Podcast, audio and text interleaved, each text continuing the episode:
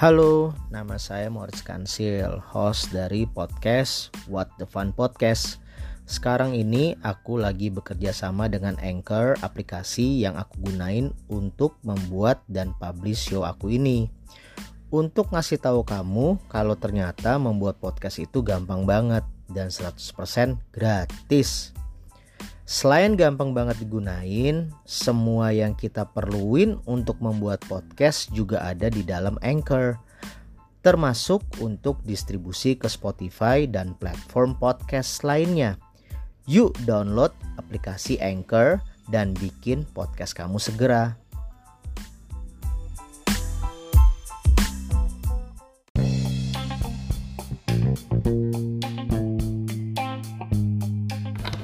Oke, balik lagi barengan gue Moritz Kansil di sini dalam acara What the Fun. Kali ini gue kolaborasi nih sama Creo Creative Lot. Rencananya mereka bakal bikin encore ke depannya. Jadi mereka punya konten sendiri. Nah, gue sih siap-siap bantu-bantu aja.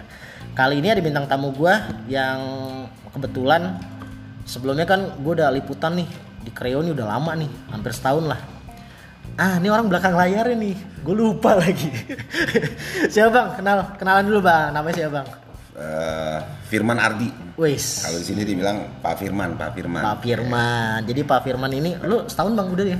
Ada nggak? Setahun lebih lah. Kalau gua sih gabung di project ini awalnya kan project ya. Project nah. Uh, jadi waktu pertama kali gua masuk ke sini itu as konsultan sebenarnya. Oh, konsultan dulu ya. Jadi Februari 2019 sampai Desember 2019. Jadi Ah, Oke. Eh, apa namanya gue bantu Pak Indra itu di root gue untuk konsepin eh, apa namanya tempat ini dari awal gitu loh Dari nol nih ya? dari nol Dari nol. sampai kita keluarin namanya studi kelayakan bisnis gitu loh Wah, keren keren keren keren. itu kerja kerja gila sih nah, buat lo yang penasaran bakal seperti apa ceritanya, lo pantengin terus. Gue bakal ada di storynya What the Fun nih. Jadi Pak Bang Firman bakal gue tanya-tanya. Mungkin dia bakal berbagi tips-tips kesuksesannya sendiri juga. Karena kan bisa sampai di atas kayak sekarang perjalanan panjang nih bang ya. ah, panjang banget Nah, buat lo kaum molor, ah nggak pakai kepake lo di sini lo. Iya nggak? Iya bang ya. Ini kaum kaum kerja keras men. harus benar-benar kreatif lah Kreatif, menyikapi menyikapi kerja keras. kondisi covid kayak sekarang harus benar-benar kreatif sih Betul banget. Oke, kita lanjut ntar. Bang Firman, eh, ini baru opening, ntar kita lanjut di story ya. Siap. Kita bakal nanya-nanya lo ya. Mantap. Lo pokoknya gue tanya lo buka nih di sini biar eh, rekan-rekan para pendengar WTF termotivasi. Gas. Ya kan? Gas ya. gas Oke. Buat lo yang penasaran, cuci muka, ambil cemilan ya. Jadi dengerin. Berapa menit ke depan gue bakal nemenin eh, kalian di sini barengan Bang Firman. Thank you guys.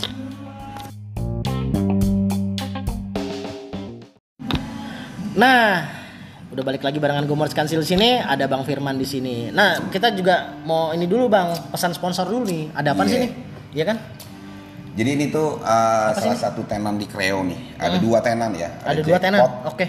Jackpot nih Jackpot nih yang kopi ini nih ya. Iya, kopi yang memang setia sama Creo dari awal. Pada saat Creo masih susah gitu ya. masih Berarti ada nih ya? Masih. Awal Jadi, karir ada nih Ini, ini, uh, Putra Sulung. Putra Sulung. Buat kalian yang bingung eh, bentuknya seperti apa, lo bisa lihat di kontennya Creo Creative Lot. Ada karena ada YouTube ya. Ya, betul. Ini bakal masuk di YouTube ya. Kalau di gua kan audio doang nih. Ya, betul. Kayak gitu. Jackpot berapa nih, Bang? Kalau boleh tahu nih. Ini dua pu- 20-an lah, 26 27 lah. Range-nya 26, segituan iya. ya? Cuman kalau Jackpot ya? jackpot ini dia punya rasa itu mirip-mirip salah satu brand yang ala ada tanda kutip Oh, lah gitu ya karena Paham. Iya iya karena konsultannya konsultan mereka yang dipakai. Oh, seriusan? Segitu seriusnya mereka bikin ya kan. Wah, gokil. Gitu. Gue baru tahu nih. Bocorannya. Jadi kalau di di mall lu nyobain kayak ginian itu Ah. 45 ribuan, di sini cuma 26 ribu. Cakep. Ih, rasanya sama cuy. Coba nih brandnya lokal. Lokal. Padahal Betul, sama aja. sama aja. Sama aja yang dijual di mall itu ya. Nah, satu lagi nih. Gokil. Ini apa eh, nih? Toast after coffee. Ini gue ngeliatnya udah kenyang loh. Lu gila porsinya gede banget ini. Bener, nih buat kalian yang di YouTube nih. Iya. Lo ke sini lihat mampir, ya. lo lihat nih. Porsinya. Asli. Ini cuma 25 26 ribu lu gila lu. Asli sumpah. Tuh. Ini sih enak banget sih kayaknya Enak nih. banget. Gua terus terang makan beginian kenyang cuy. Kenyang ya? Kenyang, Iya. gila. Aaron biasa pakai nasi nih. Aaron di belakang layar dia. Oke, berarti eh uh, semua nih ada di Creo Creative Ada di Creo Creative Oke, Oke. betul. Nah, jadi menariknya gini nih, Bang. Gua kan ngeliat lu nih kayaknya kerja keras banget nih selama dari pandemi ya. Tahun Dari lalu pandemi. kita kenal ya. Sebelum pandemi malah. Sebelum pandemi lu udah kerja di sini, udah ngulik di sini dari zaman ini masih rata nih ya. Ya betul. Ya. Dari Sam- dari zaman pembebasan lahan lah. pembebasan Iya, lahan sampai akhirnya bener-bener sekarang banyak tenan yang ngisi ya. Betul. Nah, itu kan nggak gampang ya bang ya. Otomatis lo punya background eh, skill yang mumpuni untuk ngelola nih tempat. Sebelumnya Hmm. kerja di mana sih bang kalau boleh tahu?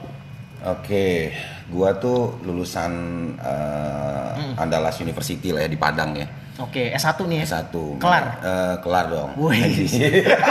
Gak kan banyak banyak yang kelar nih. Ya kan udah kenal duit. Iya. Toto nikah udah kel Iya. kelarnya gitu doang. Pernikahan nih kelar. Betul. Iya. Anak rantau. Anak rantau nih. 98 gua ngerasain yang 98. namanya eh, apa sih yang kejadian Mei dulu ya? Oke, kerusuhan, kerusuhan. Kerusuhan gua ngeliat Kerusuhan. dengan mata kepala sendiri gitu Kerusuhan. kan sempat nganggur. Mm-mm. Cuman eh, akhirnya gua kerja tuh eh, nggak disangka sih. Mm. Sebenarnya dulu tuh bidang ini tuh nggak nggak ada nggak ada dalam apa kategori apa yang gue mau cari gitu ya. Ini nggak ada di mimpi lo nih. Nggak ada di mimpi gue nih. Kagak ada. Jadi dulu nih ketika kalau anak daerah nih mimpinya kerja di mana? Di bank. Oh, atau nggak PNS ya? PNS. Nah, PNS. 98 bank pada kolaps kan. Iya, betul. Mau nggak mau gue harus banting setir. Oke. Nah, akhirnya gue kerja di salah satu retail. Mm-mm. Nah, dari 98 itu gue kerja tuh fokus di retail. Oke, di retail. Eh, dari jabatan pertama kali gue supervisor sampai gue di posisi retail itu gue pernah eh, di posisi VP lah. Ini berarti sambil kuliah?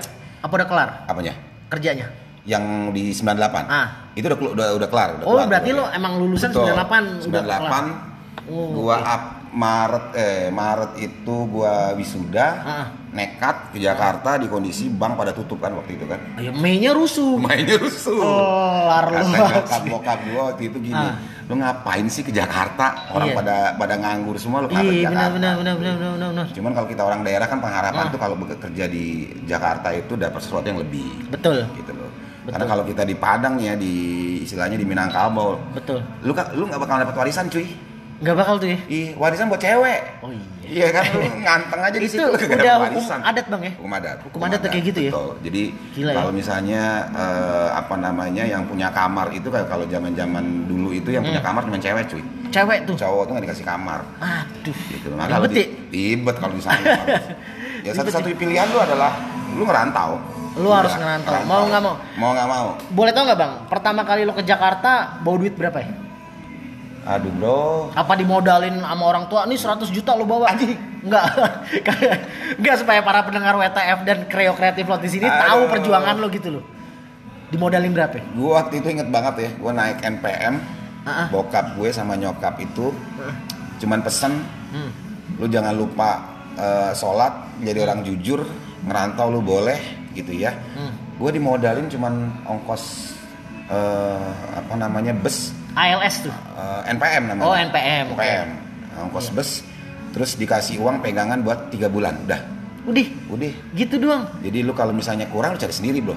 Iya, Iya, atau enggak atau enggak lu pulang. pulang pilihannya pulang Pilihannya pulang. iya bokap nyokap gue juga bukan orang yang istilahnya orang kaya gitu ya Ah, ah, ah, ah. bokap gue pegawai negeri jujur gitu ya Mhm. Lempeng-lempeng aja deh pokoknya. aja punya anak enam laki semua Laki sekolah semua? gila lu gokil. gitu jadi memang ya masuk ke Jakarta itu tahun itu bukan mungkin bukan sesuatu yang gampang sih Iya, betul. Nah, dari perjalanan karir itu memang sebenarnya eh, ini pun sebenarnya perusahaan ke-11 dalam karir gue. Perusahaan ke-11 gila, Iya. berarti udah malang melintang lo, Bang. Iya, masuk gue pernah masuk beberapa perusahaan TBK gitu ya. Hmm, hmm. Pernah kerjasama dengan beberapa owner untuk bikin bisnis baru Oke. gitu ya. Jadi memang eh, ilmu itu terbentuk di situ sih sebenarnya. Iya, Nah, iya. sebenarnya spesialisasi awal gue sebenarnya lebih ke operation awal-awal. Lebih ke sana. Iya, jadi 10 tahun pertama gue itu gue fokus di operation. Hmm. Nah, sampai puncaknya gue pernah jadi eh, regional operation di Electronic City gitu ya. Gue pegang Gila. 11 outlet nasional. Target gue satu tahun itu 1,1 T dengan 11 1,1 outlet. Alhamdulillah sih tercapai sih bro. Alhamdulillah tercapai. Nah, eh gua tuh masuk beberapa retail lah ya, Hmm. dari mulai fashion, elektronik, retail Hmm. handphone.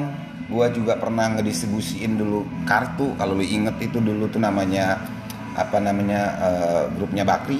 Oke. Nah, Iya. Asia gitu ya. Asia, bener, Sampai bener, dia bener. Poit, gitu ya. Bener, bener, bener, Gua bener, bener. Si DMA tuh ya, si DMA kan ya. gua keluar SC karena ya. Tiga bulan gaji gua kagak dibayar cuy. Hah, serius lu? Keluar dah.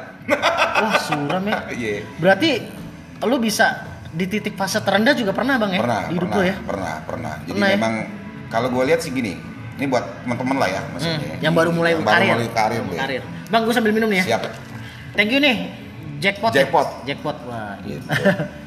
Eh, pinter sih menurut gue juga juga lah ya. Lu Iya. harus pinter. Artinya lu bicara akademik lah ya. Oke. Eh, yang menentukan hidup lu sebenarnya nanti karir itu harus sebenarnya konsisten sama persisten, persisten. Oke. Kalau lu nggak konsisten, kalau lu nggak persisten, Hmm. Creo ini tahun kemarin udah tutup bos.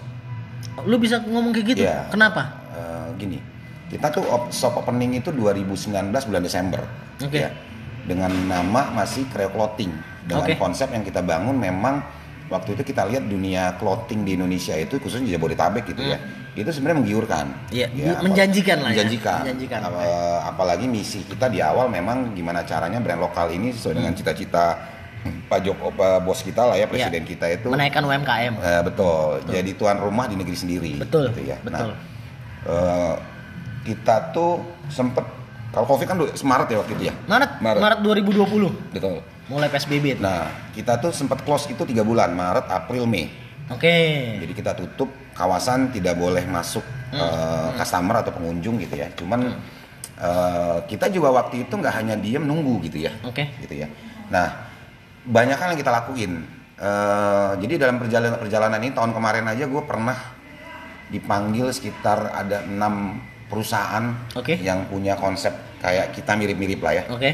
Eh, bukan interview sih ya, mereka manggil gue untuk bantu segala macem. Hmm. Tapi ujung-ujungnya nanyain sih, gaji lu di situ berapa sih? Pindah ke sini aja. Suruh pindah nih ya. pindah halus ya. Pindah halus ya. Yang lucu sih sebenarnya ada satu tempat yang apa namanya yang mirip sih sebenarnya dengan konsep Mirip. kita. Iya. Jadi mereka punya lahan. Betul. Kayak gitu. Iya, terus eh, bukanya juga sama Desember 2019. Eh, gue disuruh ke sana ngeliatin traffic, siang sih cuy. Boleh tahu nggak bang daerah mana? Nah, eh, terus boleh gue sebutin ya. Iya. Depok lah, daerah Depok. Wih. Daerah Depok. Cuan tuh. Cuman lo mikirnya pasti jauh dari rumah. Iya dong, pertama. Terus gue, Iya. ya istilahnya eh, ini kan dikelola sama anak perusahaan eh, BUMN lah ya. Iya, betul. Jadi menurut gue lebih stabil ini Lebih dibanding stabil, tempat lain benar, gitu ya. benar, Nah, benar, benar, benar. Dia tuh sempat nanya, eh, apa sih yang lu lakuin sehingga trafficnya tuh bisa naik di masa pandemi Iya, gitu betul, ya. Nah, eh, sementara eh, apa namanya mereka itu bener-bener nggak punya pengunjung gitu Hmm. ya. Jadi gue bilang gini sih, gue balikin nanya, Hmm. gue ketemu sama ownernya, Pak, Hmm. pada saat ter- pada saat pandemik apa yang lo lakuin? Oke. Itu kan bicara pilihan nih. Betul, betul. Eh, mereka tuh punya analisa begini. Ini kan ini kan kondisi ini kan nggak nggak tahu akan selesai kapan gitu ya. Iya. Nah mereka lebih eh, memilih untuk diam nunggu. Nunggu. Nunggu. Oke. Sementara kalau di kita enggak. Hmm. Ini eh, yang gua tanggung di sini kan apa istilahnya banyak keluarga ya. Betul. termasuk brand-brand yang udah bergabung di sini gitu ya mereka juga punya banyak keluarga di belakang mereka ada penjahit macam-macam lah di belakang Betul, mereka yang produksi betul. dan lain-lain nah itu tuh kalau misalnya lu tanya sama tim kita nih ya itu dari Maret pun kita selalu melakukan activity Hmm. activity yang sebatas dengan eh, yang diizinkan gitu Betul. ya Pokoknya fo- tetap ikut protokol Betul, kesehatan. protokol kesehatan. tapi benar-benar waktu itu fokus kita memang adalah media sosial Oke. jadi ilmu sama pengalaman yang gue dapet zaman zaman dulu lah ya, Hmm. zaman zaman gue lu kayak misalnya lu bicara top the line, Oke. eh, bottom the line. gitu. Jadi jadi yang begitu-begitu sekarang itu kalau gue lihat ya, Hmm, hmm. nggak punya impact yang positif sebenarnya bagi, Oke. bagi kita gitu. Jadi Oke. eh, satu-satunya pilihan kita waktu itu adalah bagaimana caranya nge-branding Creo Creative Lot ini eh, ke media sosial Hmm. dengan budget yang memang kita anggarkan gitu ya. Oke. Kita selalu bikin activity tapi internal gitu ya. Oke. Kita selalu bikin kegiatan-kegiatan yang tidak mengundang orang waktu itu. Iya. Nah, eh, dari follower ya dari follower nol lah ya. Iya, iya, iya. eh, sampai sekarang kita punya follower itu 8.800 cuman ya. Gila. Cuman kalau bicara jangkauan kita sekarang itu udah bicara sejuta 200 sampai sejuta 300 orang.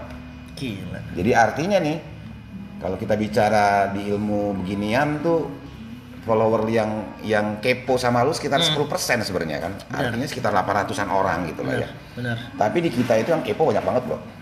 Ada sekitar sejuta dua ratus orang gitu. ya. Lu kurangin aja sama 8.800 sekian itu yang di luar follower kita yang yang yang Benar, yang, benar, yang benar, terhadap kegiatan Creo. Nah, Hmm. Eh, kita ngebangunnya awalnya dari situ.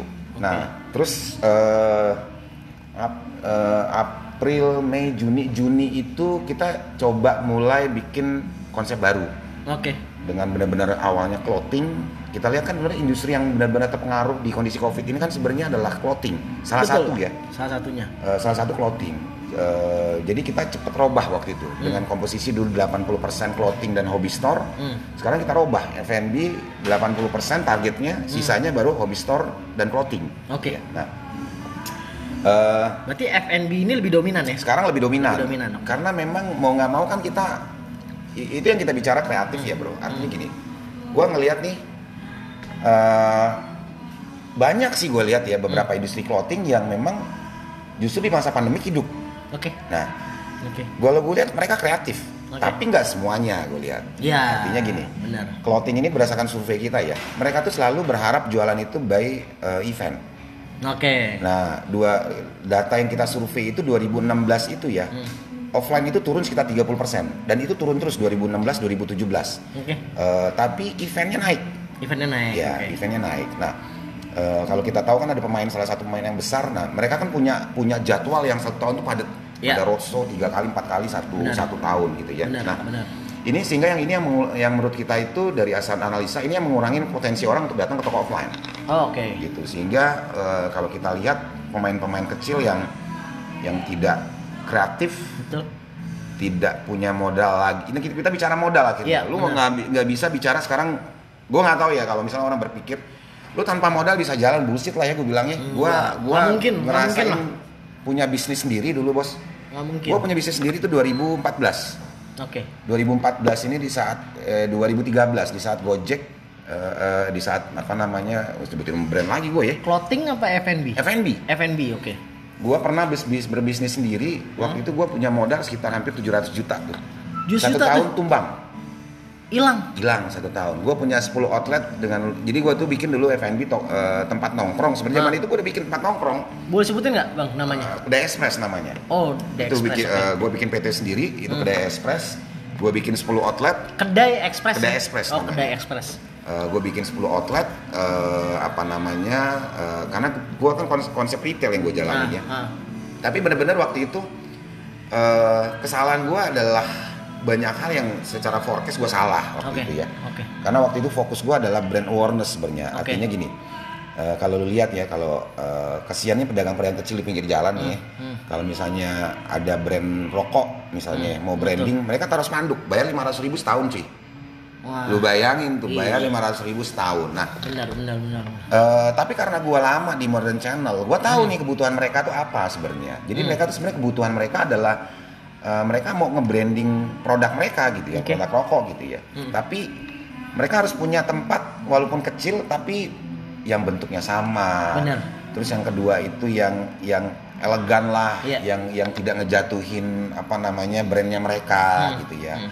Nah itu mereka pernah mereka mau tuh bayar bayar mahal. Nah eh, bisnis gua itu jalan eh, gua target waktu itu bulan ketujuh gua dapat sponsorship.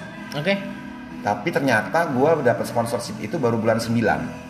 Buset. Bulan ke-9 Molor udah ya. tanda tangan kontrak tapi dengan kondisi outlet gua tinggal 4. Wah, gila. Tinggal Kenapa? empat. Kok bisa? Ya akhirnya kan kita harus review ya. Ah. Dari 10 outlet itu hanya empat yang bagus. Jadi Oke. empat ini selama tiga bulan itu subsidi, selama selama tujuh bulan itu subsidi. eh, Subsidi enam- silang nih, subsidi yang silang. Ah. enam yang nggak bagus. Akhirnya gue putusin untuk ditutup yang enam, gitu ya. Terus gue cari coba cari investor dengan Hmm. modal eh, MOU atau SPK yang gue tanda udah udah udah ditandatangani sama sponsor. Oke. Karena persyaratan mereka harus 10. Hmm. Eh, nah, yang yang ba- yang bagusnya sebenarnya kabarnya gini waktu itu ya.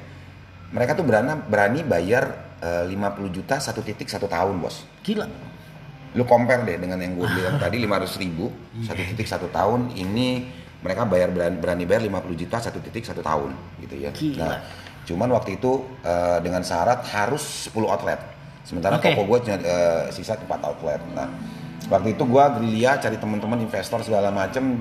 Ada yang mau inve- invest ke kita ada, kerjasama tiga tahun kan. Hmm. Cuman gue disyaratkan mereka invest satu setengah miliar. Ada salah satu investor gue ya, invest satu setengah miliar, tapi saham gue diturunin 10%. Jadi 10% dari 100% full diturunin jadi 10%. Oke. Waktu itu gue berpikir konsep-konsep dari gue, gue udah investasi 700 juta. Waktu itu memang mungkin ya. Hmm. hmm. Itu juga menurut gue harusnya tuh eh gue terusin harusnya waktu itu gue berpikir harusnya. Cuman pas, eh, karena waktu itu mungkin rada emosi kali ya. Oke. Gue mutusin ya anjir gue punya duit udah segitu banyak hilang Iya, gitu ya. iya, iya, Ada iya. investor masuk eh, kalau bicara 10 outlet ya. Mereka kan tinggal nambah, nambah 6 gitu ya. Nambah 50 50 juta kali kali 10 udah ketahuan 500 500 juta. 500 juta kontrak 3 tahun bos Iya. itu kan satu setengah miliar lah ya Hmm. nah itu bicara uh, sponsorship nah cuman waktu itu akhirnya dengan dengan segala kemarahan gue waktu itu ya Hmm. akhirnya gue putusin untuk untuk close nah itu umur 40 gua Ah gila. 6 tahun yang lalu ya kan nah, Gila. akhirnya uh, gue mulai lagi kerja sama orang Hmm. kerja lagi kebetulan karena gua cukup lama ya di retail Hmm. ya teman-teman pada saat tahu gua nganggur ya udah, bro gabung sini deh gabung gabung sini ya kan gua gabung Hmm. lagi ke beberapa teman-teman gue masuk di beberapa eh, masuk di perusahaan TBK lagi gitu Iya. ya gua mulai lagi karir sampai perjalanan gua itu eh, 2016 ini sebenarnya konsep ini tuh udah pernah kita ajuin gua dulu berdua Oke. sama teman gue Oke. cuman waktu itu direksi yang lama hmm, nggak serak ya kayaknya Hmm. dengan konsep ini akhirnya nggak jadi akhirnya gua tetap kerja di tempat lain Eh, gua move ke Sumatera Utara Medan Oke. gua pe- pegang area area apa namanya Sumatera Utara plus Aceh waktu itu ya Hmm. Brandnya apa, kalau boleh tahu? Eh, ini salah satu brand kalau lu tahu misalnya dulu namanya Indovision bro Oh, oke. Tiga, nah Ya. Itu juga luar biasa sih kalau di sana ya, Perjuangannya juga perjuangannya lu sikut-sikutannya ya. parah bang ya. Lu kalau coba mau nyoba mental jadi leader, lu coba di Medan cuy. Kenapa bang? Kenapa bang? Boleh sedikit cerita nggak? Kenapa? Lu kalau lu masih seputaran Jabodetabek lu belum jago bos. Nggak lu ya? coba daerah Sumatera namanya Medan, Sumatera Utara. Medan kelar tuh ya? Kelar hidup lu deh. Kelar ya. Eh, lettingan gue yang yang selevel sama gue dulu. Hmm. Eh, satu tahun itu bisa tuker tiga orang, Tiga orang. tiga orang. Lu bertahan berapa lama? Gue bertahan dua tahun. Ah gila. Itu pun pertimbangan pindah ke sini lagi lebih ke pertimbangan anak gue udah gede cuy. Anak Oke. gue mau masuk SMA, Hmm. bini gua eh, nangis tiap hari karena ini anak butuh sosok bapak. Betul. Iya gitu ya. betul. Akhirnya gue balik lagi ke Jakarta, nganggur cuy, Nganggur tuh. nganggur cuy. Gue lebih cinta keluarga gue deh. Bentar, ini kan yang ke-11 ya, Bang ya? Ya, Ini yang ke-11 kerjaan lo yang ke-11. Eh, jangka waktu nganggur lama-lama gak sih, Bang? gua Apa ada cuman hitungan bulan gak nyampe tahunan? hitungannya sih bulan sih. Bulan ya, nggak nyampe Bulan. tahunan ya. Jadi memang itu kenapa sebenarnya ya pada saat kerja lu perlu nabung ya. Karena Hmm. kita kan nggak tahu ya kondisi-kondisi yang kita nggak bisa kendalikan gitu ya. Jadi gue bisa bertahan waktu itu dengan tabungan yang ada gitu ya. Oke. Nah terus eh, kabar baiknya memang 2018 pas gua balik lagi ke sini, Hmm. si bos yang di sini panggil lagi. Hmm. Ini kita develop lagi segala macem. Mungkin konsepnya kita perbaikin lagi. Oke. Eh, diterima di approve itu 2019 eh, 2019 Januari. Gila. Jadi kontrak gua tuh dimulai Februari 2019. Nah, akhirnya kita develop, kita bikin studi kelayakan bisnis 6 bulan, Bro. Oke. Jadi kalau itu gua inget banget itu ada 67 lembar.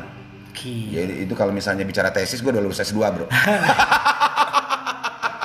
Gila, gila, gila, gila, gila. Eh, dengan kondisi apa ya? Beratnya sebenarnya bikin studi kelayakan bisnis nih buat teman-teman nih kali ya. Hmm, hmm. Lu tuh harus biasanya gini, orang bikin studi kelayakan bisnis gitu ya, satu bisnis gitu ya. Iya. Di situ harus orang yang ada ada orang yang jago mengenai masalah manajemen. Manajemen banyak banyak lah ya, operation, eh, marketing, Iya. eh, apa namanya sumber daya manusia, finance gitu ya. Nah, eh, ini dibantu Pak Indra, gue telan sendiri bro. Gila. Ya kan artinya karena memang kebetulan gue pernah beberapa kali buka tempat walaupun bukan seperti ini Hmm. kayak misalnya gua- pernah gue bikin dep store dan supermarket Oke, gitu oke. ya nah eh, jadi pernah lagi gue bikin retail elektronik Hmm, gitu ya nah itu juga sama dengan owner dan dan dan pengalaman itu sebenarnya banyak ngebantu sih. Oke. Tapi nggak dipungkirin juga akhirnya pada saat buka ini gue harus belajar lagi bro. Gua Banyak bela- lagi ya? ba- Banyak belajar hal baru ya? baru Hal mengenai baru ya? mengenai survei. Kebanyakan gue dulu, dulu belajar tuh mengenai survei sebenarnya. Hmm. Nah itu yang sebenarnya yang yang salah satu indik, eh, apa namanya eh, poin di mana eh, pada saat lo mau menentukan apakah buka bisnis ini apa tidak, Hmm. dulu awalnya sebenarnya dari survei dulu sebenarnya. Oh gitu, survei. Jadi waktu itu kita punya tim cukup banyak gitu ya. Kita sebar eh, kalau misalnya kuesioner itu yang kita wawancara itu kalau nggak salah gua kalau gua eh, itu ada sekitar eh, hampir 900 orang yang kita survei gitu ya. Itu yang kita rangkum jadi satu kesimpulan gitu ya. Aha. Eh, apa namanya brand apa yang yang masuk the best 10 10 gitu ya.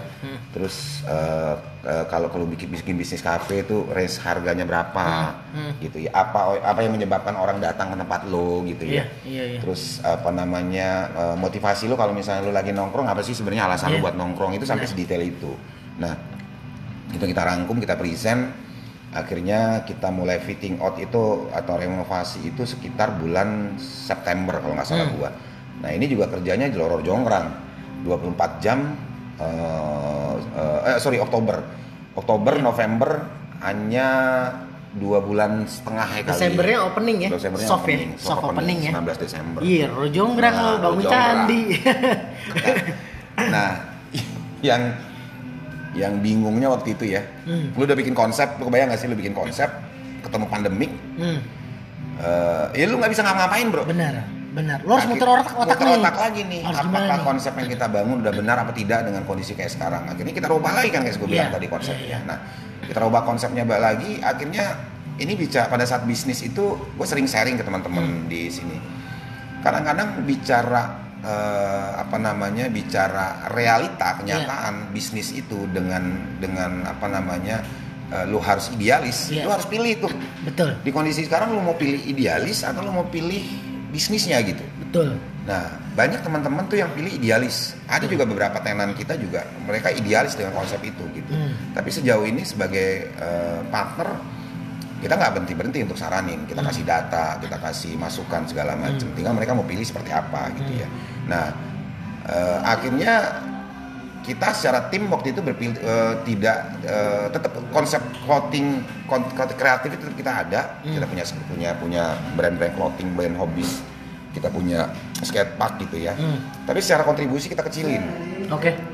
nah kita lihat perkembangannya ternyata bisnis F&B jauh lebih tidak terpengaruh Betul. Nah, pada saat kita tentuin 80% F&B pun kan kita harus detailin kan konsepnya, Bos. Betul. Eh, nah, eh, jadi waktu itu ya yang yang yang kita lakukan tuh adalah eh, lu tahu ya mas, pada saat masa pandemi kan pemerintah juga ngasih tahu nih, eh lu jangan ada di klaster kantor Iya. karena itu dalam ruangan AC Betul. yang pusat penyebaran virus itu Betul. adanya di ruangan AC apalagi AC sentral gitu ya. Nah, impactnya apa? Ini yang bikin akhirnya tempat-tempat perbelanjaan Hmm.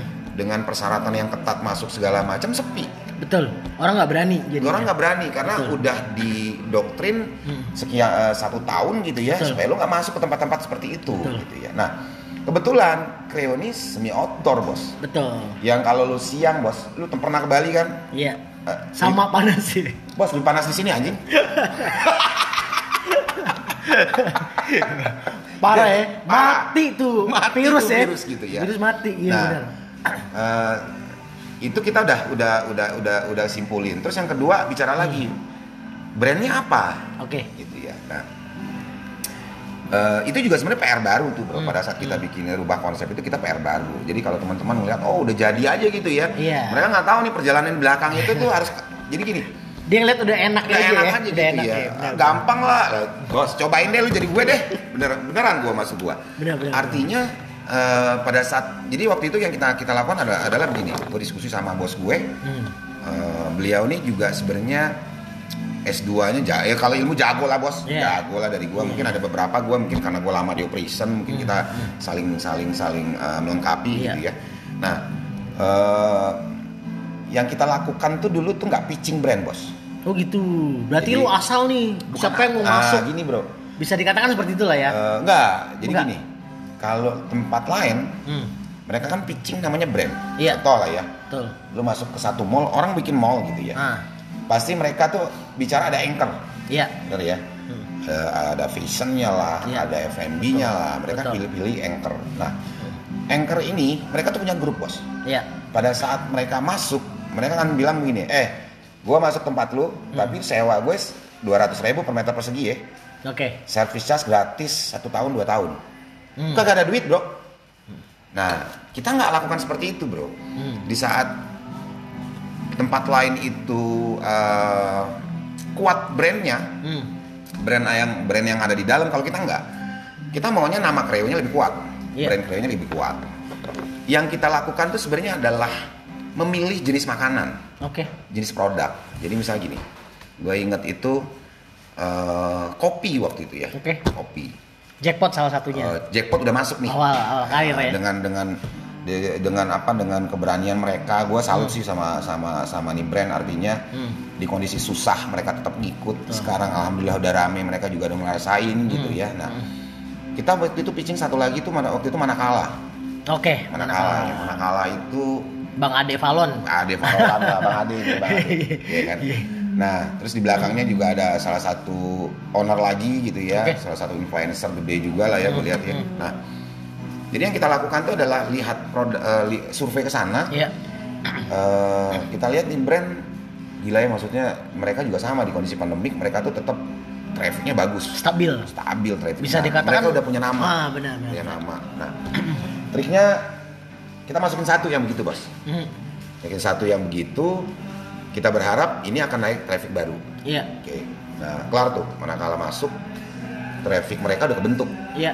Nah waktu itu gue mikirnya gini, gila lu di Kreo gitu ya Cipadu, bos, lu kebayang gak sih ngopi 38 ribu? Sedangkan di sini pasarannya menengah ke bawah lah ya. Iya. Bisa dikatakan menengah ke bawah. Awalnya begitu bro. Iya, kita bukan Pondok Indah nih ngomongnya, Iya. ya kan?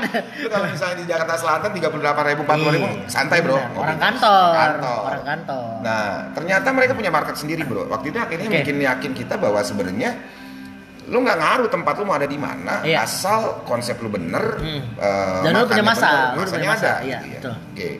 Habis itu apalagi nih? Ada masuk listing gue itu adalah waktu itu resto, resto, Oke. masakan Jepang.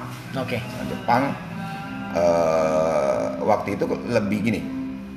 Kalau selama ini lu mau makan ramen bro, Hmm, hmm. masakan Jepang lu pasti ke mall kan bos. Iya, betul. Masalahnya mall tutup bro.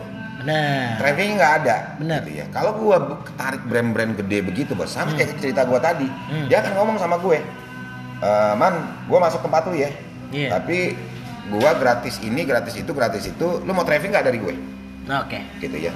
Ini bicara antara seperti gue bilang tadi nih bro, pilihan lu apa nih Hmm. sebenarnya? Tapi dari sisi itu kita yakin waktu itu sebenarnya adalah karena peluang tadi ya gue lihat ya, Hmm, hmm. bahwa sebenarnya masyarakat kita itu di masakan pandemi ini rindu masak-masakan seperti itu Betul. gitu ya masakan seperti itu mereka rindu tapi mereka nggak bisa ada yang di mall Benar. kita siapin di Benar. sini bro Dan mereka ada ketakutan Betul, untuk ke mall betul. karena kan memang pemberitaannya seperti itu. betul Iya kan?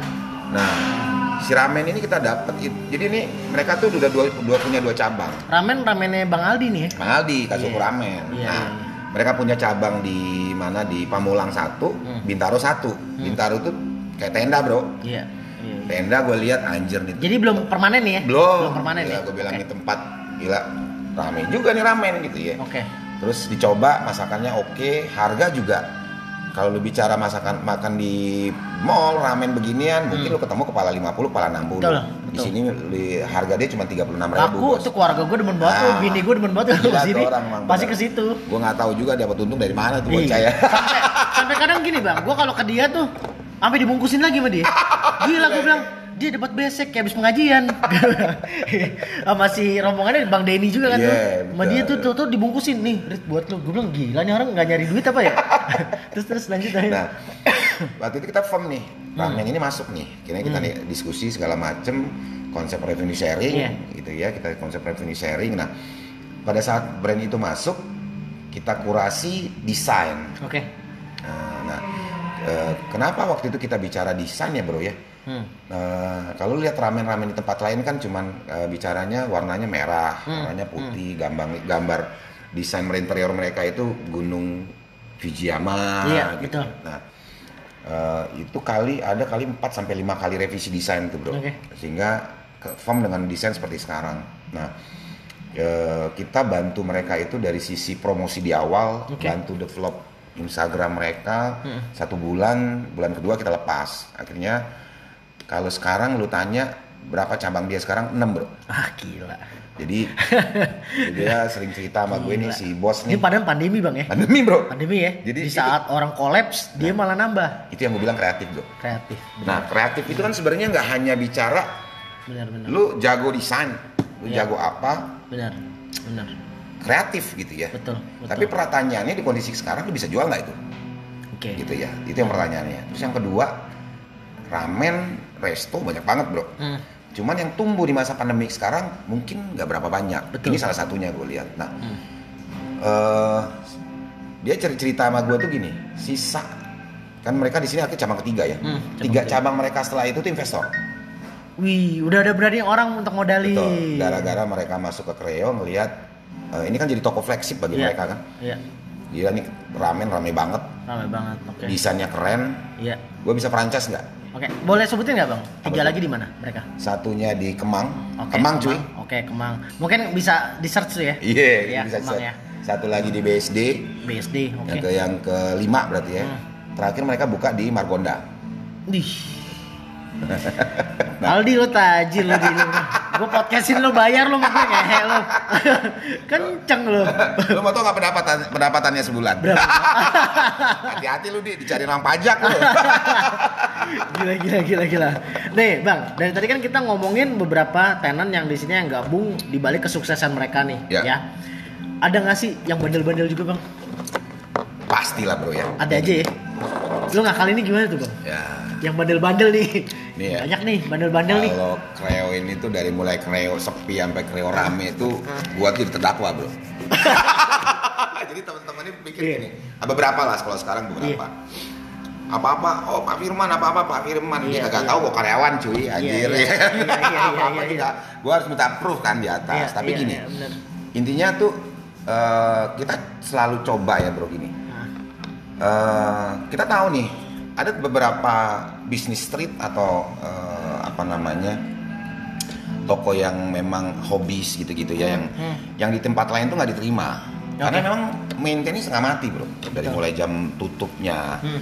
dari mulai trafficnya Iya. segala macem tapi dari awal kita udah berkomit bahwa kita akan coba terima yang begini Oke. karena ini juga sebenarnya jadi jadi eh, point of sales kita juga sebenarnya Ini Artinya- gambling berarti ya? Ya. Ini gambling nih ya? Kita cobalah tetap sama teman-teman ketemu harus ketemu solusinya Hmm, gitu ya. Misalnya gini, eh bro, lu jam operasional jangan sampai pagi dong, Oke. gitu ya. Kenapa? Karena security gua kagak tidur tidur bos sampai pagi gitu loh. Artinya dengan keterbatasan yang kita punya juga. Tahu tuh gue siapa tuh. Nah, nah akhirnya ketemulah titik tengahnya di mana. Betul, gitu betul, ya. betul. Artinya biar sama-sama enak lah biar sama-sama ya. enak Biar lah sama-sama karena enak. eh, tempat ini juga dibangun juga sebenarnya untuk absorb kebutuhan itu Iya, gitu ya di mana teman-teman ini yang yang anak-anak kreatif ini eh, anak-anak seni lah Ya, sebenarnya harus bisa ngebedain antar jam kerja sama jam nongkrong nih. ya gitu. nah Benar. ini anak-anak seni anak Hmm. kreatif ini kan masih muda-muda pikiran masih liar gitu ya Betul. terus ide-ide mereka banyak gitu ya Eh, kadang mereka tuh eh, berbenturan dengan pihak pengelola itu karena hal-hal kayak tadi tuh Betul. Hal-hal sepele sebenarnya. Hal sepele. Cuman miskom aja. Betul. Nah, Miscommunication di aja. tempat kalau lu masuk ke mall, mall nggak mau bro. Lu kalau tutup jam 10 tutup jam 10. Iya, tetap. Saklek. Saklek. Saklek, Lu nggak boleh ini, nggak boleh ini. Kalau di kita tuh Benar. lebih ke diskusi. Iya. Ya kan. Masih kekeluargaan Masih lah bang keluargaan ya. lah. Jadi teman-teman ini kan kita anggap sebagai partner lah ya. Betul. Artinya mereka juga perlu perlu bisnis. Gua juga perlu mereka gitu ya. Betul. Kita perlu mereka sehingga konsep ini jadi lebih lengkap. Betul. Gitu loh. Nah, eh, pertanyaan selanjutnya sebenarnya kebanyakan sekarang gini. Eh, kan kita udah ngalamin nih yang namanya Lebaran kedua Ya, Ya. betul. Eh, Dari buka ya. Dari buka Dari ya. buka sampai sekarang. Ini lebaran artinya kedua berarti. lebaran kedua pas pandemik juga ya. Nah, ta- sorry, tahun lalu berarti tutup bang ya? Tutup. Tutup ya. Tutup. Tahun ini baru buka nih ya. Tahun ini kita lebaran kedua. Oke, terus Jadi, eh, itu boleh itu juga akhirnya jadi review nih bagi manajemen ya. Hmm. Ke lu kebayang deh bro, gua tuh kita tuh punya traffic dari 3000 orang sebulan. Hmm. 3000 orang sebulan sehari berapa sih? Satu sih, nggak nyampe. Iya. 100 lah ya. Ya, 100. Sampai kita bulan kemarin itu traffic kita 20 ribu. 20 ribu. 20 ribu. Nah, itu pun dengan kapasitas sebenarnya setengah sih bro. Artinya Gila. kita kenapa tempat lain banyak pada saat kondisi pandemik itu ditutup karena mereka nggak bisa jaga alur traffic. Oke. Enaknya di kita pintu masuk cuma satu bro. Oh. Jadi nih kalau misalnya udah malam minggu nih ya, tim operation gue tuh ya, 1200 close. Hmm. Tuh, jadi para pendengar di Creo Creative Lot dan WTF, kalian juga harus ngerti ya. Di sini di ada maksimal limitnya ya. Maksimal limit. Iya, jadi jangan lu pikir, wah nggak boleh masuk nih. Kadang-kadang ada yang komplain bang. Iya, betul. Gue lihat di Instagram, wah apaan? Tadi gue nggak boleh masuk. Bukan lu nggak boleh masuk. Kalau lu mau datang sini sebelum maghrib lah ya. Sebelum maghrib lah. Sebelum maghrib. Gitu. Karena jam 9 udah parah bang ya. Pasti. Udah parah ya. Nah, Nah, terus eh, lanjut. jadi eh, kita ngejaga kan sebenarnya. Jadi kadang-kadang teman-teman yang nggak bisa terima itu gini. Hmm. Iya, masih aman bang, buka Iya, bang. Tapi kan iya. kita kan punya kapasitas maksimal ya. Benar, benar. Di mana kapasitas maksimal Benar. itu udah 50%. Betul. Itu pun betul. dengan sekarang itu dengan eh, wajib pakai masker, Betul, gitu, cuci betul. tangan, kita siapkan beberapa titik segala macem. Tim Hmm. gua selalu keliling ingetin, pakai Iya, masker betul. dong, pakai masker dong segala Betul. macem. Kenapa? Karena bro ini pandemik ini tuh banyak orang bilang itu kagak ada corona. Anjir bilang ada temen adik gue mati gara-gara corona bro Bener. di tangga gue banyak banget mati karena Bener, corona gitu bener, ya bener. jadi maksudnya jangan dianggap enteng gitu Bener, ya. bener, karena bener.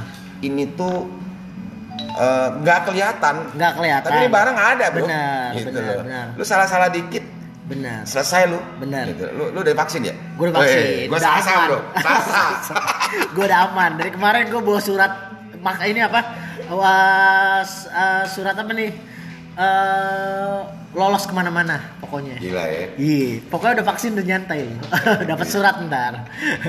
Nah. terus terus balik lagi nih bro Eh, pokoknya udah over limit udah nggak boleh masuk. Ah, udah mulai masuk. Jadi memang eh, kalau lihat tim gue di depan itu mereka punya eh, apa sih namanya counting gitu ya. Iya betul. Itu benar buat real.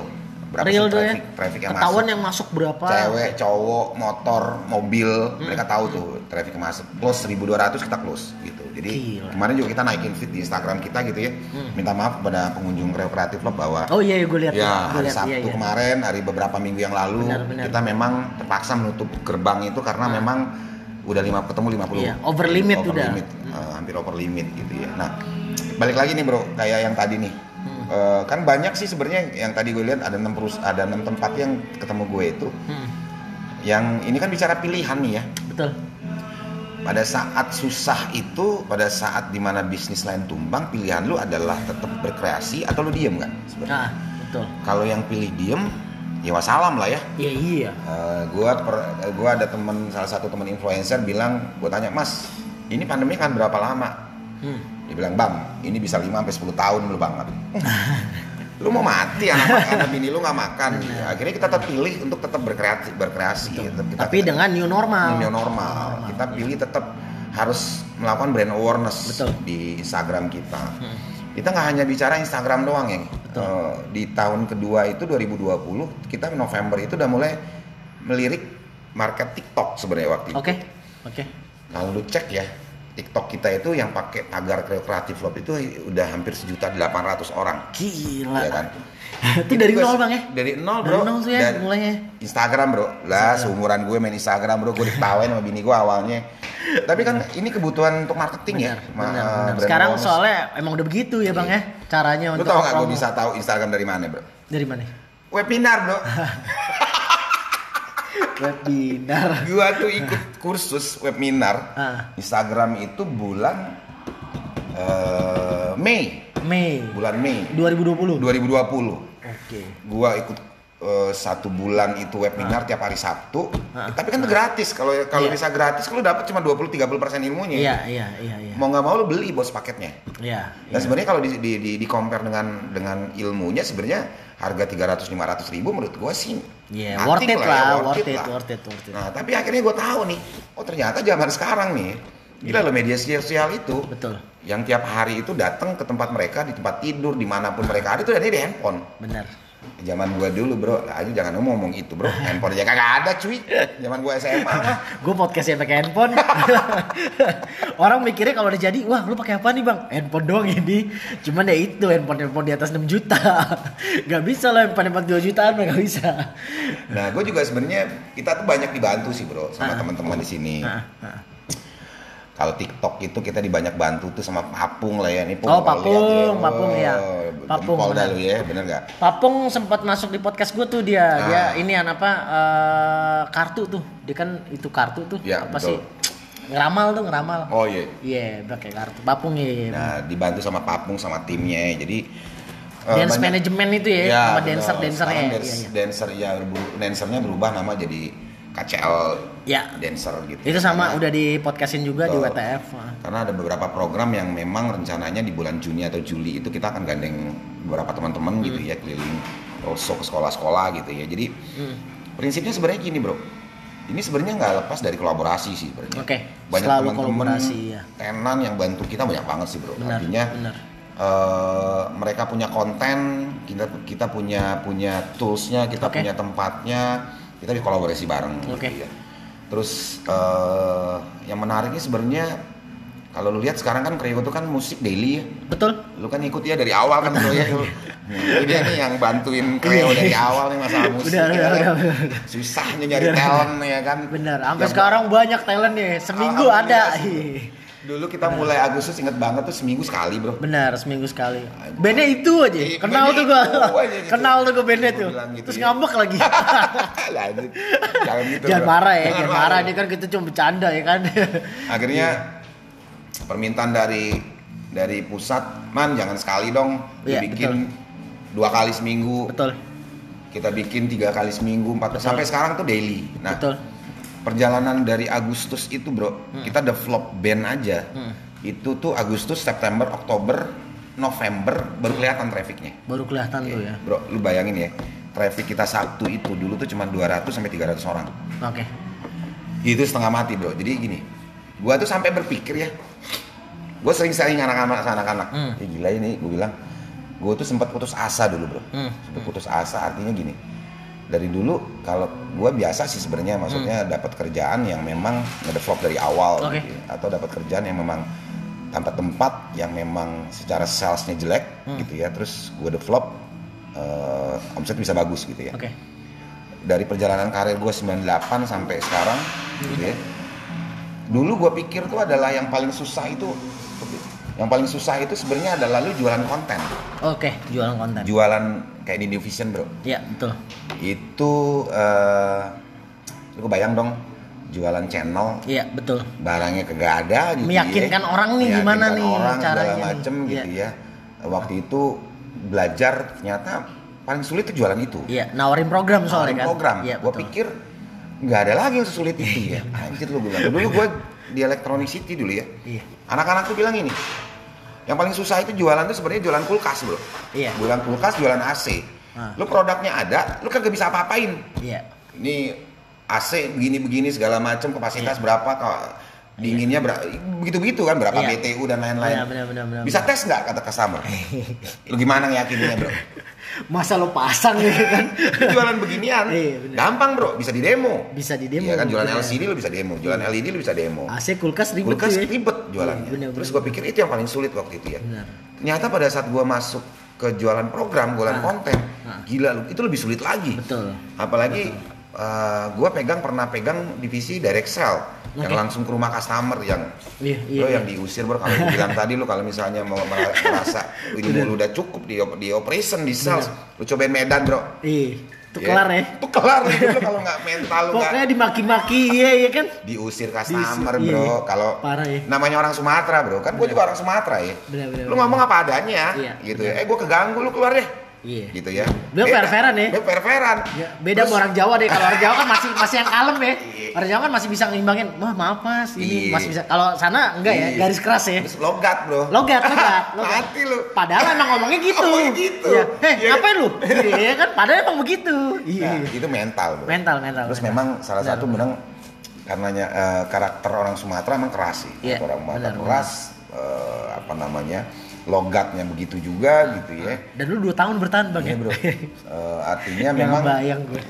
eh, apa ya kalau lu nggak pinter beradaptasi lu nggak pinter berkolaborasi sama mereka Hmm. gitu ya apalagi lu dari mana asal lu dari mana gitu Iya, kelar lu iya. hidup lu kalau Iya. misalnya nggak bisa adaptasi dengan Betul. dengan adat gitu ya segala macem tapi karena dasar gua orang Padang gitu ya Hmm, hmm. eh yang modal kalau bisa bisa bicara ngerantau cuman modal ijazah sama celana kolor doang bro Iya, benar. artinya Udah ngelewatin lu ya? lah, alhamdulillah lah maksudnya kayak eh, achieve, eh, apa namanya target gua bisa achieve segala macem nah hmm.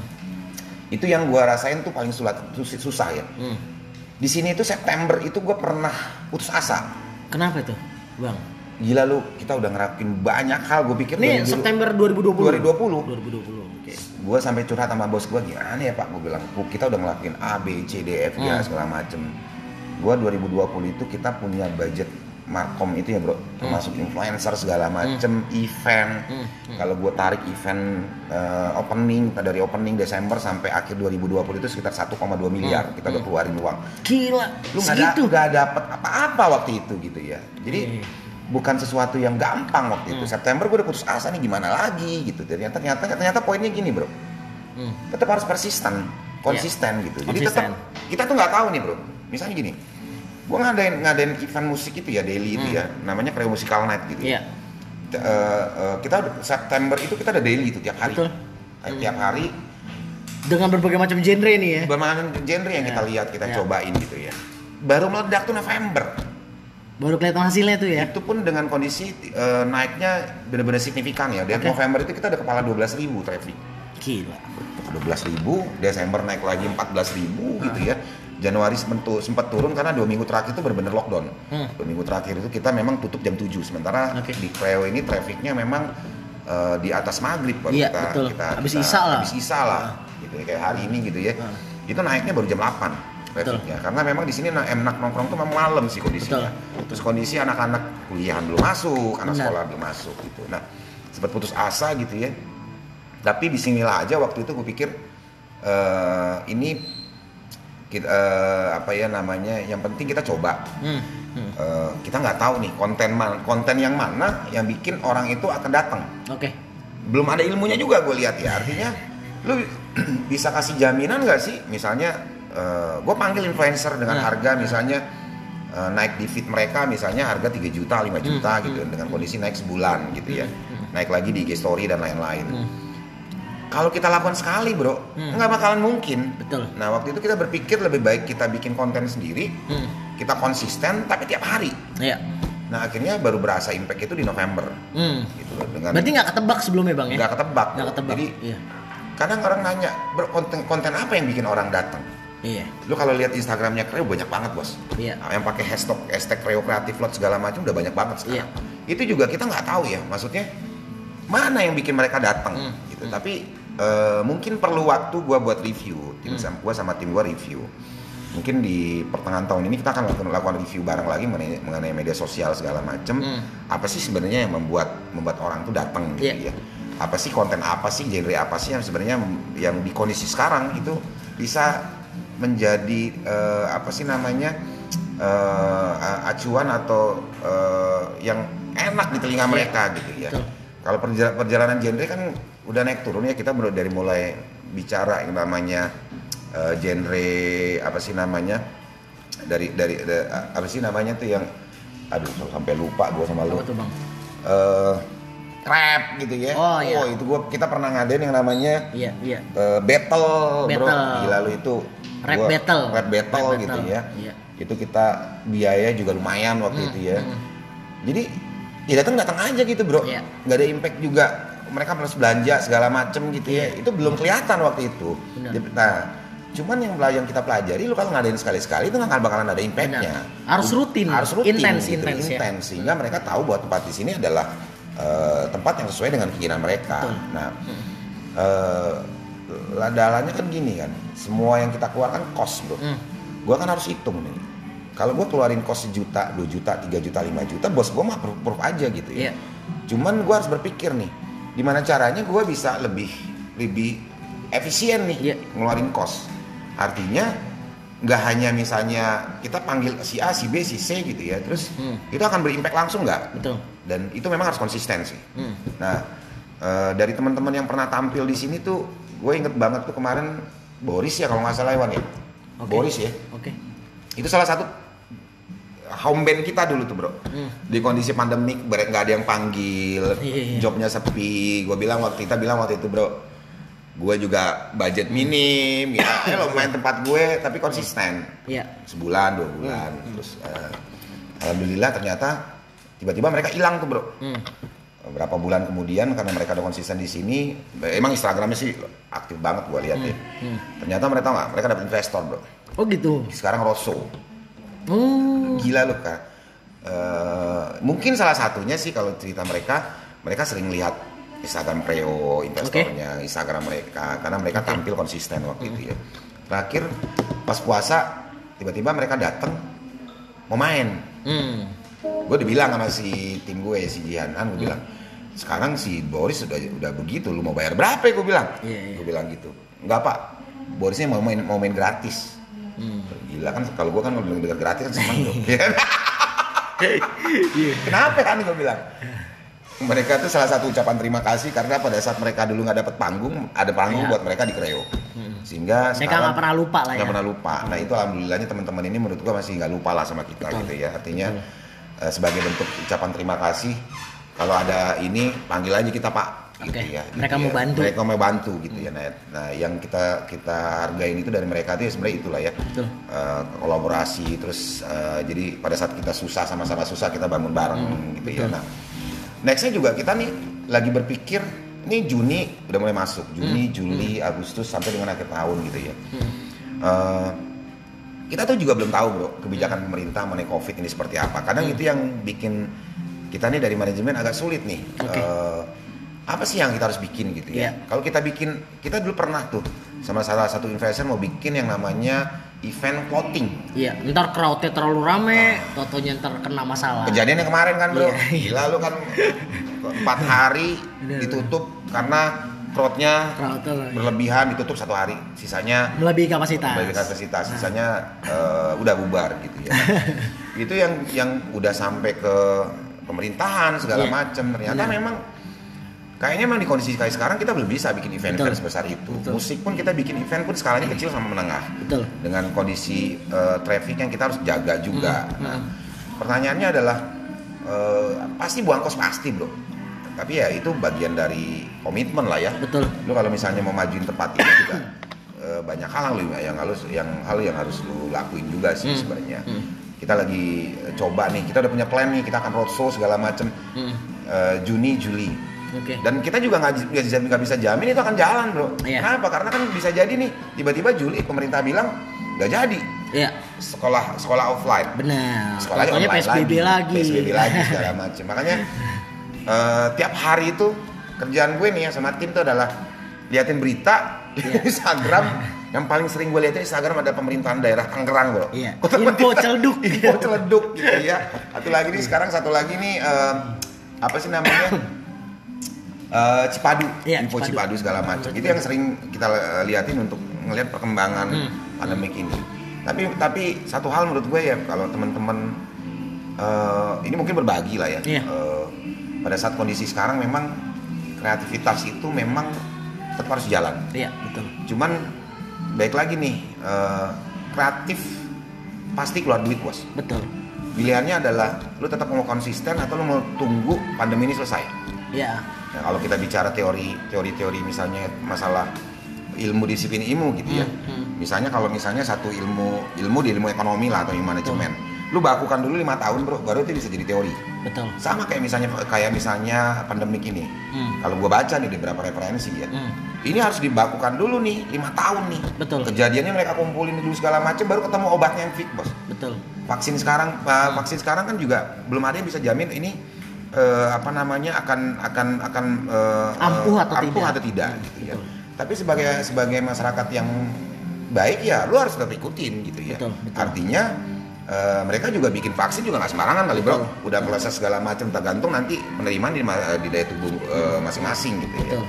Nah jadi pesan gue memang ya, tetap kreatif lah Betul. apa pun lu lakukan ya, apa lah ya lu tetap uh, uh, post posting lu tetap Iya. berkreasi segala macem kalau lu nunggu diem selesai lah hidup kita di Iya, masa mana benar. begitu bro Nah, ini kan sesi pertama bang ya. ya Ntar kita lanjut di sesi kedua. Gue bakal nanya lu tentang uh, comfort zone karena nih nggak berasa kita sejam cuy. anjir Serius tuh. kita kasihkan ngobrol ya kan. Sama Spotify udah di warning nih ya kan. 50 menit Iya, jadi kita tinggal masuk ke sesi kedua. Ntar gue bakal nanya, lo kerja itu lebih milih comfort zone apa nggak comfort zone sih? Siap. Soalnya kan gue lihat 11 kali pindah nih. iya kan? Gokil. Gue yakin sih para pendengar WTF bakal tayangan yang berikutnya bakal lebih seru tentunya. Jadi lo jangan mana-mana. Gue masih tetap sama Bang Firman di sini. Oke? Kita tutup dulu yang ini. Thank you. Nah, kita masuk ke sesi kedua nih. Tadi nggak berasa dong sejam ya? iya Iya. Kasihkan ngobrol kita. Jo, thank you banget nih. Roti enak banget, kenyang banget. Wah, parah. Nah, Bang. Lo 11 kali ganti. Ini ke tempat ke-11 yang lo 11. bekerja. Mulai kerja umur? 23 Hmm. tamat kuliah umur 22 23 Tuh, lo jangan nganggur dibanyakin. dari kecil sampai tua nganggur, lo gila lo. kerja lo banyakin berarti dari 23 lo mulai kerja, Bang ya? betul Udah mandiri tuh. udah mandiri Gaji pertama lo? Boleh kasih tau nggak berapa? Nominal. 98 itu 500 ribu lima ratus ribu sebulan itu udah udah kenceng tuh bang ya segitu ya Iya kalau hidup sendiri sih masih masih oke Bisa lah ya? zaman itu Oke masih ya. oke oke Gua tuh eh 9 98 itu ya. Hmm. Habis kerusuhan 99 gua pindah ke Ramayana. Gaji gua Oh, Ramayana sempet, iya, Bang, ya? Sempat gua. lumayan sempet ya Gaji gua tuh jadi store manager supermarket tuh 1,3 waktu itu. era itu Era itu 1,3. Terus eh gua di Ramayana itu berarti hampir 2 tahun sih ya. Waduh. Jadi waktu itu masih jadi zaman itu ya segede-gede segede-gede si Erlan nih Erlan nggak bisa ngelihat perusahaan lain bro yang bisa nawarin gaji gede gitu ya. Oh. Gua pindah tuh dua lapar mata tuh lo ya wah gue cabut ah gue cabut ah kayak ini menjanjikan nih Iya, gua inget banget waktu tahun 2000 awal ada lowongan di Kompas. Zaman dulu kan nyari kerjaan lewat Kompas. bro. Kompas, sama Pos Kota. Pos Kota. ada buka lowongan waktu itu eh, grupnya eh, apa sih namanya Hari Darmawan Corporation waktu itu. Kalau lu jama, kalau lu masih SMP, SMA zaman 2000-an itu ya, lu pasti inget lah namanya toko serba 5000. oh iya iya Ya, benar ya kan. benar benar Toko serba 5000 lah waktu itu namanya kan. lu sempat di situ Falus, falus. iya falus benar benar Nah, eh, karena lowongannya waktu itu gini. Ini sebenarnya lu- lucu juga sih pengalaman pengalaman, pengalaman gue itu. Karena gue asalnya store manager, gue ngelamar jadi store manager dong. Oke. Karena waktu itu umur gue itu masih 26 27 ya waktu itu ya. Dua- Masih aman lah ya. 26 27. Jadi gue ngelamar posisi store manager. Nah, karena persyaratannya di atas itu ada namanya district manager kan. oke Minimal umur 30 eh, terus apa namanya? sudah berkeluarga gitu. Oke. Persyaratan. Gak masuk kan di gua kan. Nggak masuk, Umur masih benar. 26 terus eh, belum berkeluarga pula kan. Nah, gua coba ngelamar dipanggil beberapa kali akhirnya ketemu gua sama direktur operasionalnya ngobrol panjang mengenai sales eh, dan operation gitu ya yang lucunya gue di offering posisi district manager bos oke kamu kenapa nggak ngelamar di posisi district manager kan gue bingung cuy. Pak umur gue baru segini pak. Persyaratannya kan district manager harus harus umur minimal 30 udah keluarga. Eh, jadi gue makanya gue karena pengalaman cuma store manager supermarket ya gue ngelamar jadi store manager gitu. Yaudah lu gue up, eh, upgrade deh posisi eh, apa namanya eh, district manager. District manager. Dalam hati alhamdulillah. Gua ekspektasi gaji cuma satu setengah dua juta bro. Hmm. pertama eh, hari pertama eh, kontrak gue itu gaji itu 3,5 3,5 era itu gua udah gede banget bang 1,3 ke 3,5 dikasih fasilitas mobil kantor tol bisa dirembes bensin bisa dirembes. Jangan cuy. Iya. Iya iya iya bulan keempat lulus percobaan Hmm. di upgrade 5 juta gila Bro, gaji zaman itu 5 juta mah eh, ibarat katanya zaman itu ya.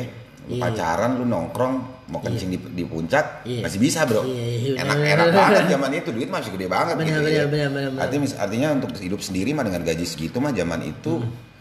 ya sangat lumayan sih menurut gua ya. Nah, terus eh, karena memang dari dulu kan mode- model gua lebih ke orang yang ambisi kali ya. Nah itu juga yang sekarang mulai direm sih sebenarnya bro. Oke. Karena itu kan bicara karakter kali ya.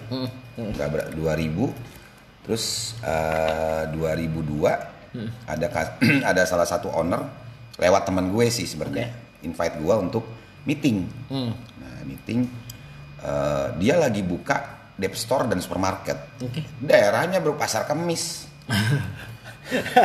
Orang gila, gua Iya, tinggal iya, di iya. Bekasi gitu ya.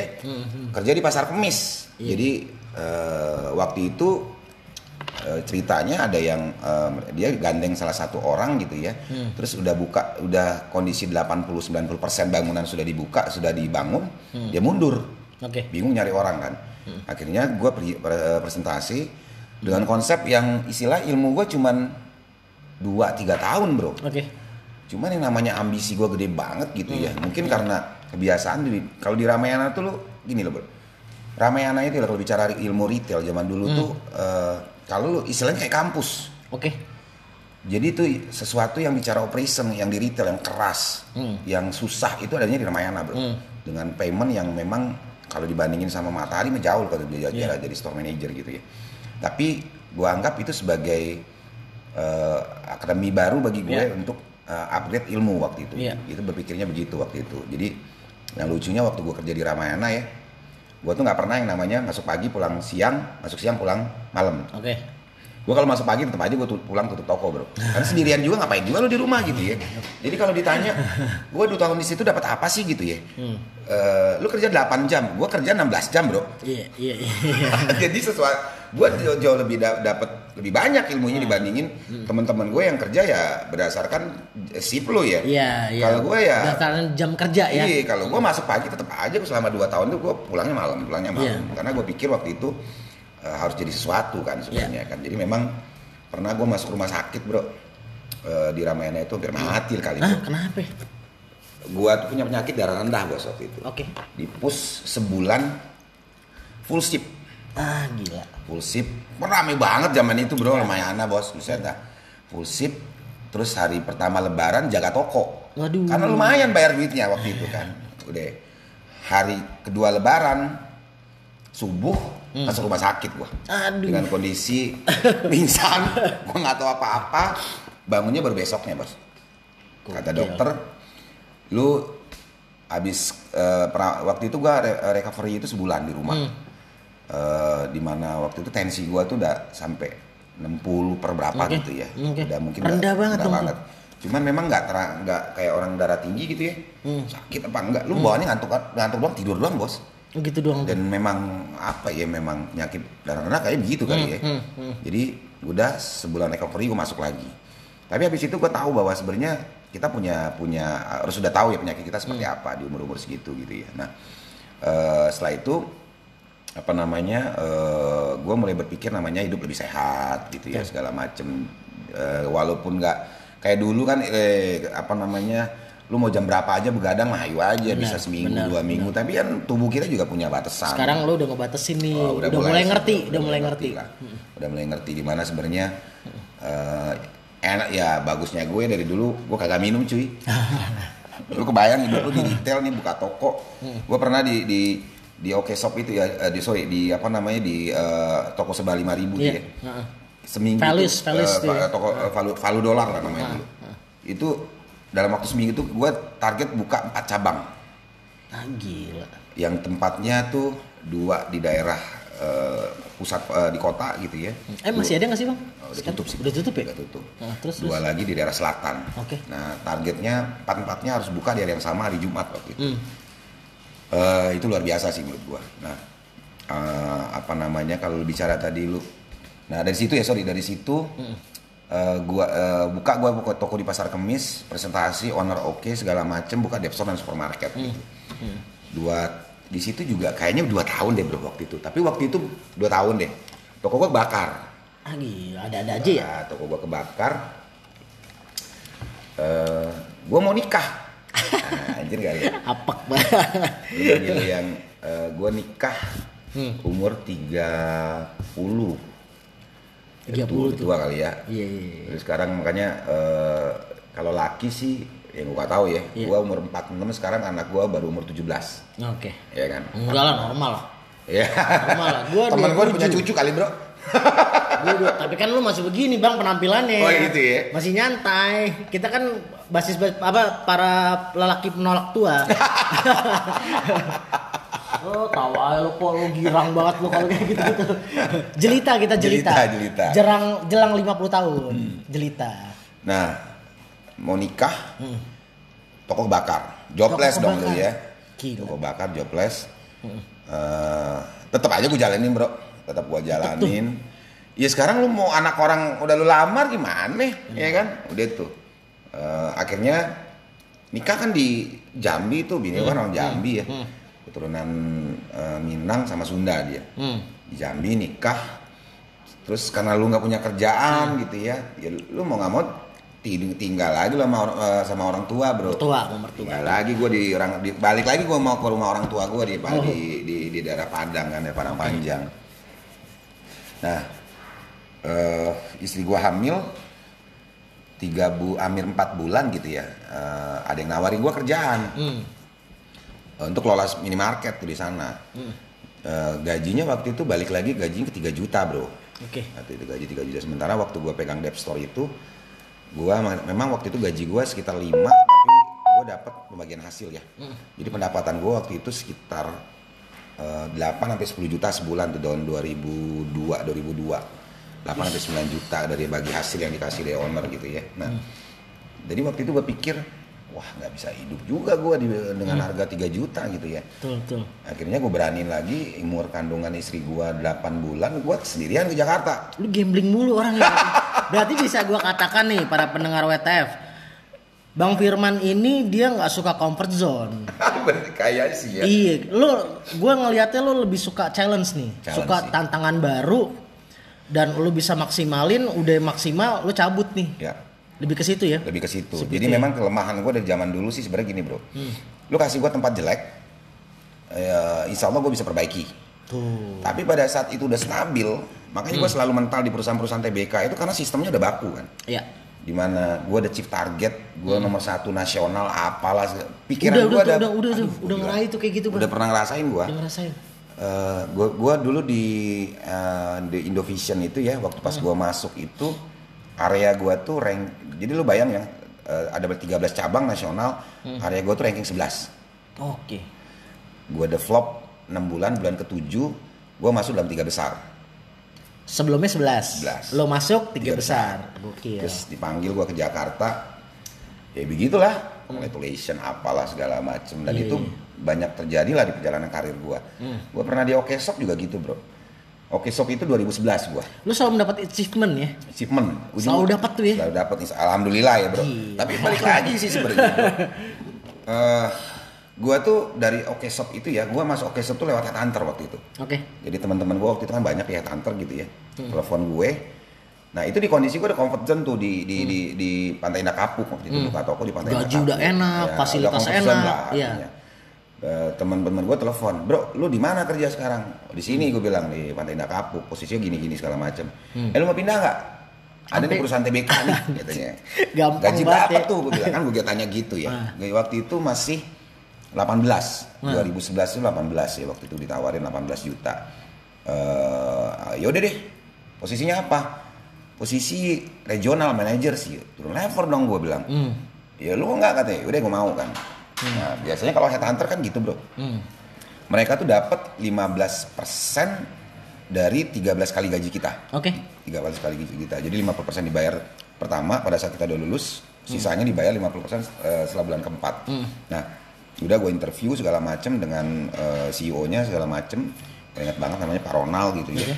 Jauh banget nih orang gue lihat. Terus penempatan harusnya di Jawa Barat waktu itu, Bro. Oke. Cuman pada saat gua masuk tanda tangan kontrak udah ngajuin surat resign dong di tempat lama kan. Dipanggil gua sama bos gue, "Man," kata Pak Ronald, "Kayaknya lu lebih cocok Jabodetabek deh." Oke. Waduh, gue bilang, mau gua tolak gua dari resign di tempat lama. Gue pengennya waktu itu Jawa Barat, Bro. Gue ngerasain kan eh, hidup di Bandung kayak Iya. apa, lu gila lu kan mimpi banget hidup di Bandung ya kan. Bener, bener. Itu Bini gue tuh gue suruh pindah ke Bandung dia takut men. Kenapa tuh? Godaannya cewek soalnya. oh, ah, girang banget pas senyum-senyum lu. Terus akhirnya akhirnya Akhirnya gue terima. Eh, ada tiga regional, pegang 250 outlet. Oke. Eh, sejauh 250 udah- Bagi outlet. tiga. Oke. Waktu itu kan berarti berarti kan sekitar 7 bulan something lah satu orang. Oke, gue bilang, yaudah pak, gue terima deh. Bulan ketiga, bulan keempat gitu ya. Salah satu resign. Oke. Artinya 250 bagi dua dong. Iya, bagi dua. Ya kan. Terus nggak berapa lama satu lagi dipindahin ke departemen lain tradisional. Oke. Pegang Nokia waktu itu. Kon cengak cengok aja. Berarti sisa lu sendiri nih. 250. 250 sendirian nih. Anjir Sendirian. Iya. Terus gue ngelapor dong sama bos gue kan. Hmm. Pak, ini gimana ceritanya daripada dari gue pegang 70 outlet sampai sekarang di bulan ke-6 gue udah pegang 250. Iya, betul. Tenang man. Gue akan cari eh, tandeman lu. Oke. Dari mulai 2011 itu sampai gua keluar kagak ada bro tandemannya. Berarti emang lu di orangnya. Nah, waktu itu dia bilang gini, "Eh, man, gue rekrut lu katanya. Eh, Sebenarnya selevelan lu, sekemampuan yang lu punya, itu tuh kompetitor lu banyak dia bilang. Kompetitor lu banyak. Gue punya waktu itu lima kandidat termasuk lu dia bilang. Tapi jatuh pilihan gua ke lu tuh cuma satu dia bilang. Bukan bicara kemampuan, tapi bicara yang namanya eh, apa namanya dia bilang waktu itu ya. eh, Dedikasi. dedikasi dedikasi kenapa pak bapak nilainya dari mana gue tanya kan gini gue lihat histori kerja lu dia bilang Hmm. lu eh, beberapa kali kerja di perusahaan-perusahaan tradisional yang Dan langsung pol-polan owner. nih. Pol-polan. nih. Iya. Artinya orang-orang yang kerja di perusahaan-perusahaan tradisional itu harus menganggap bisnis itu bisnis sendiri. Ya. Sehingga eh, apa namanya effort yang lu kerja yang lu keluarkan tuh Hmm. jauh lebih baik dibandingin lu kerja di perusahaan-perusahaan yang eh, apa stabil kayak di perusahaan-perusahaan TBK gitu ya, di mana eh, ya lu punya banyak divisi, Iya. punya banyak departemen gitu, lu Betul. absen masuk, eh, absen pulang gitu Betul. ya. Nah gue lihat dari sisi pengalaman kerja lu menggambarkan hal seperti itu. Hmm. Nah makanya gue percaya lu bisa pegang 250 outlet. Anjir kayak lu. Seyakin itu dia ya. Iya. Seyakin itu. ya.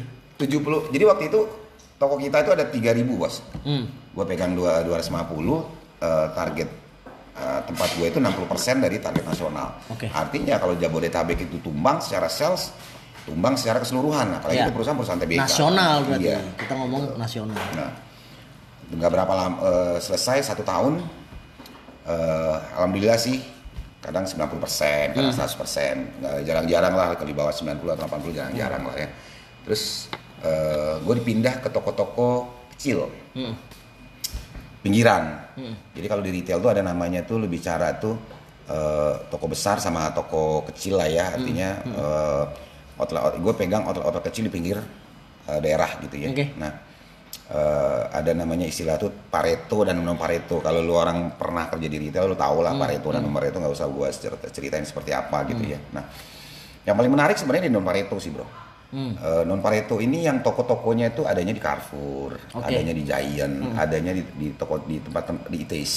Iya, dia ada di bagian situ lah ya. Ya, terus daerah Masuk pinggiran sampai Sukabumi gue pegang waktu itu. Nah, eh, omsetnya yang cuman sebulan 50 juta. Oke.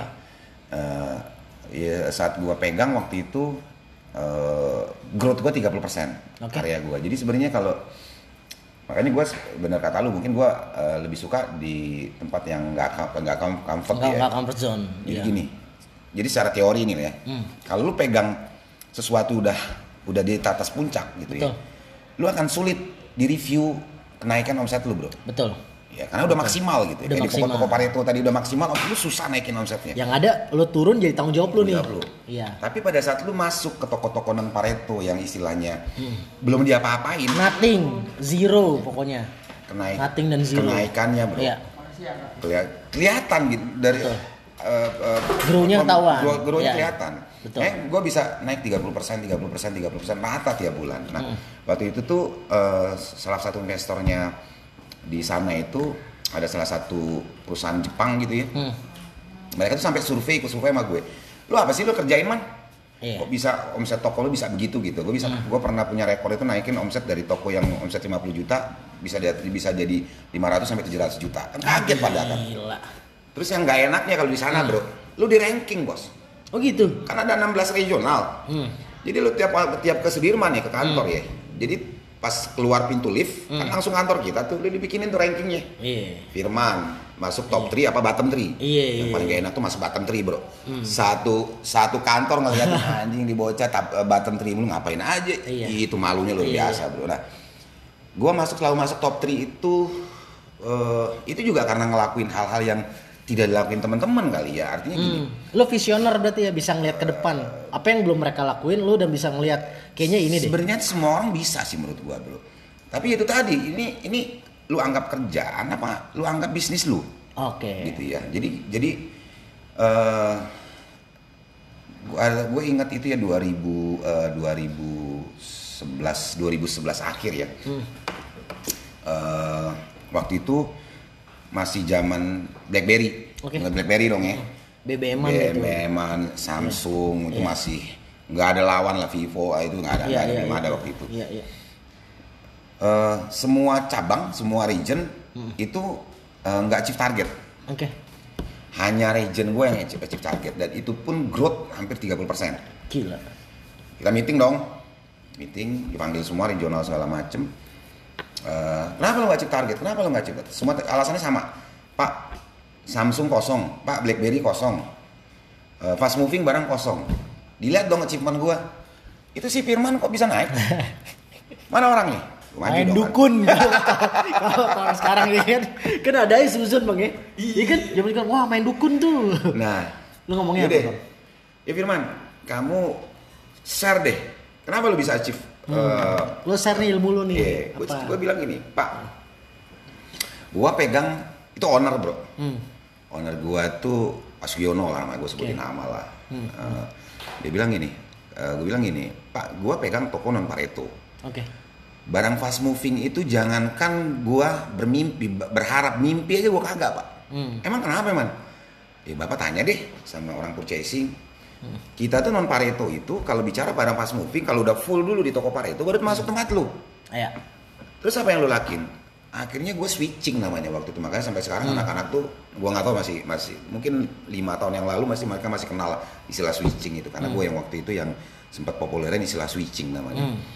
Eh, apa yang lu lakuin? Gue jualan barang apa adanya.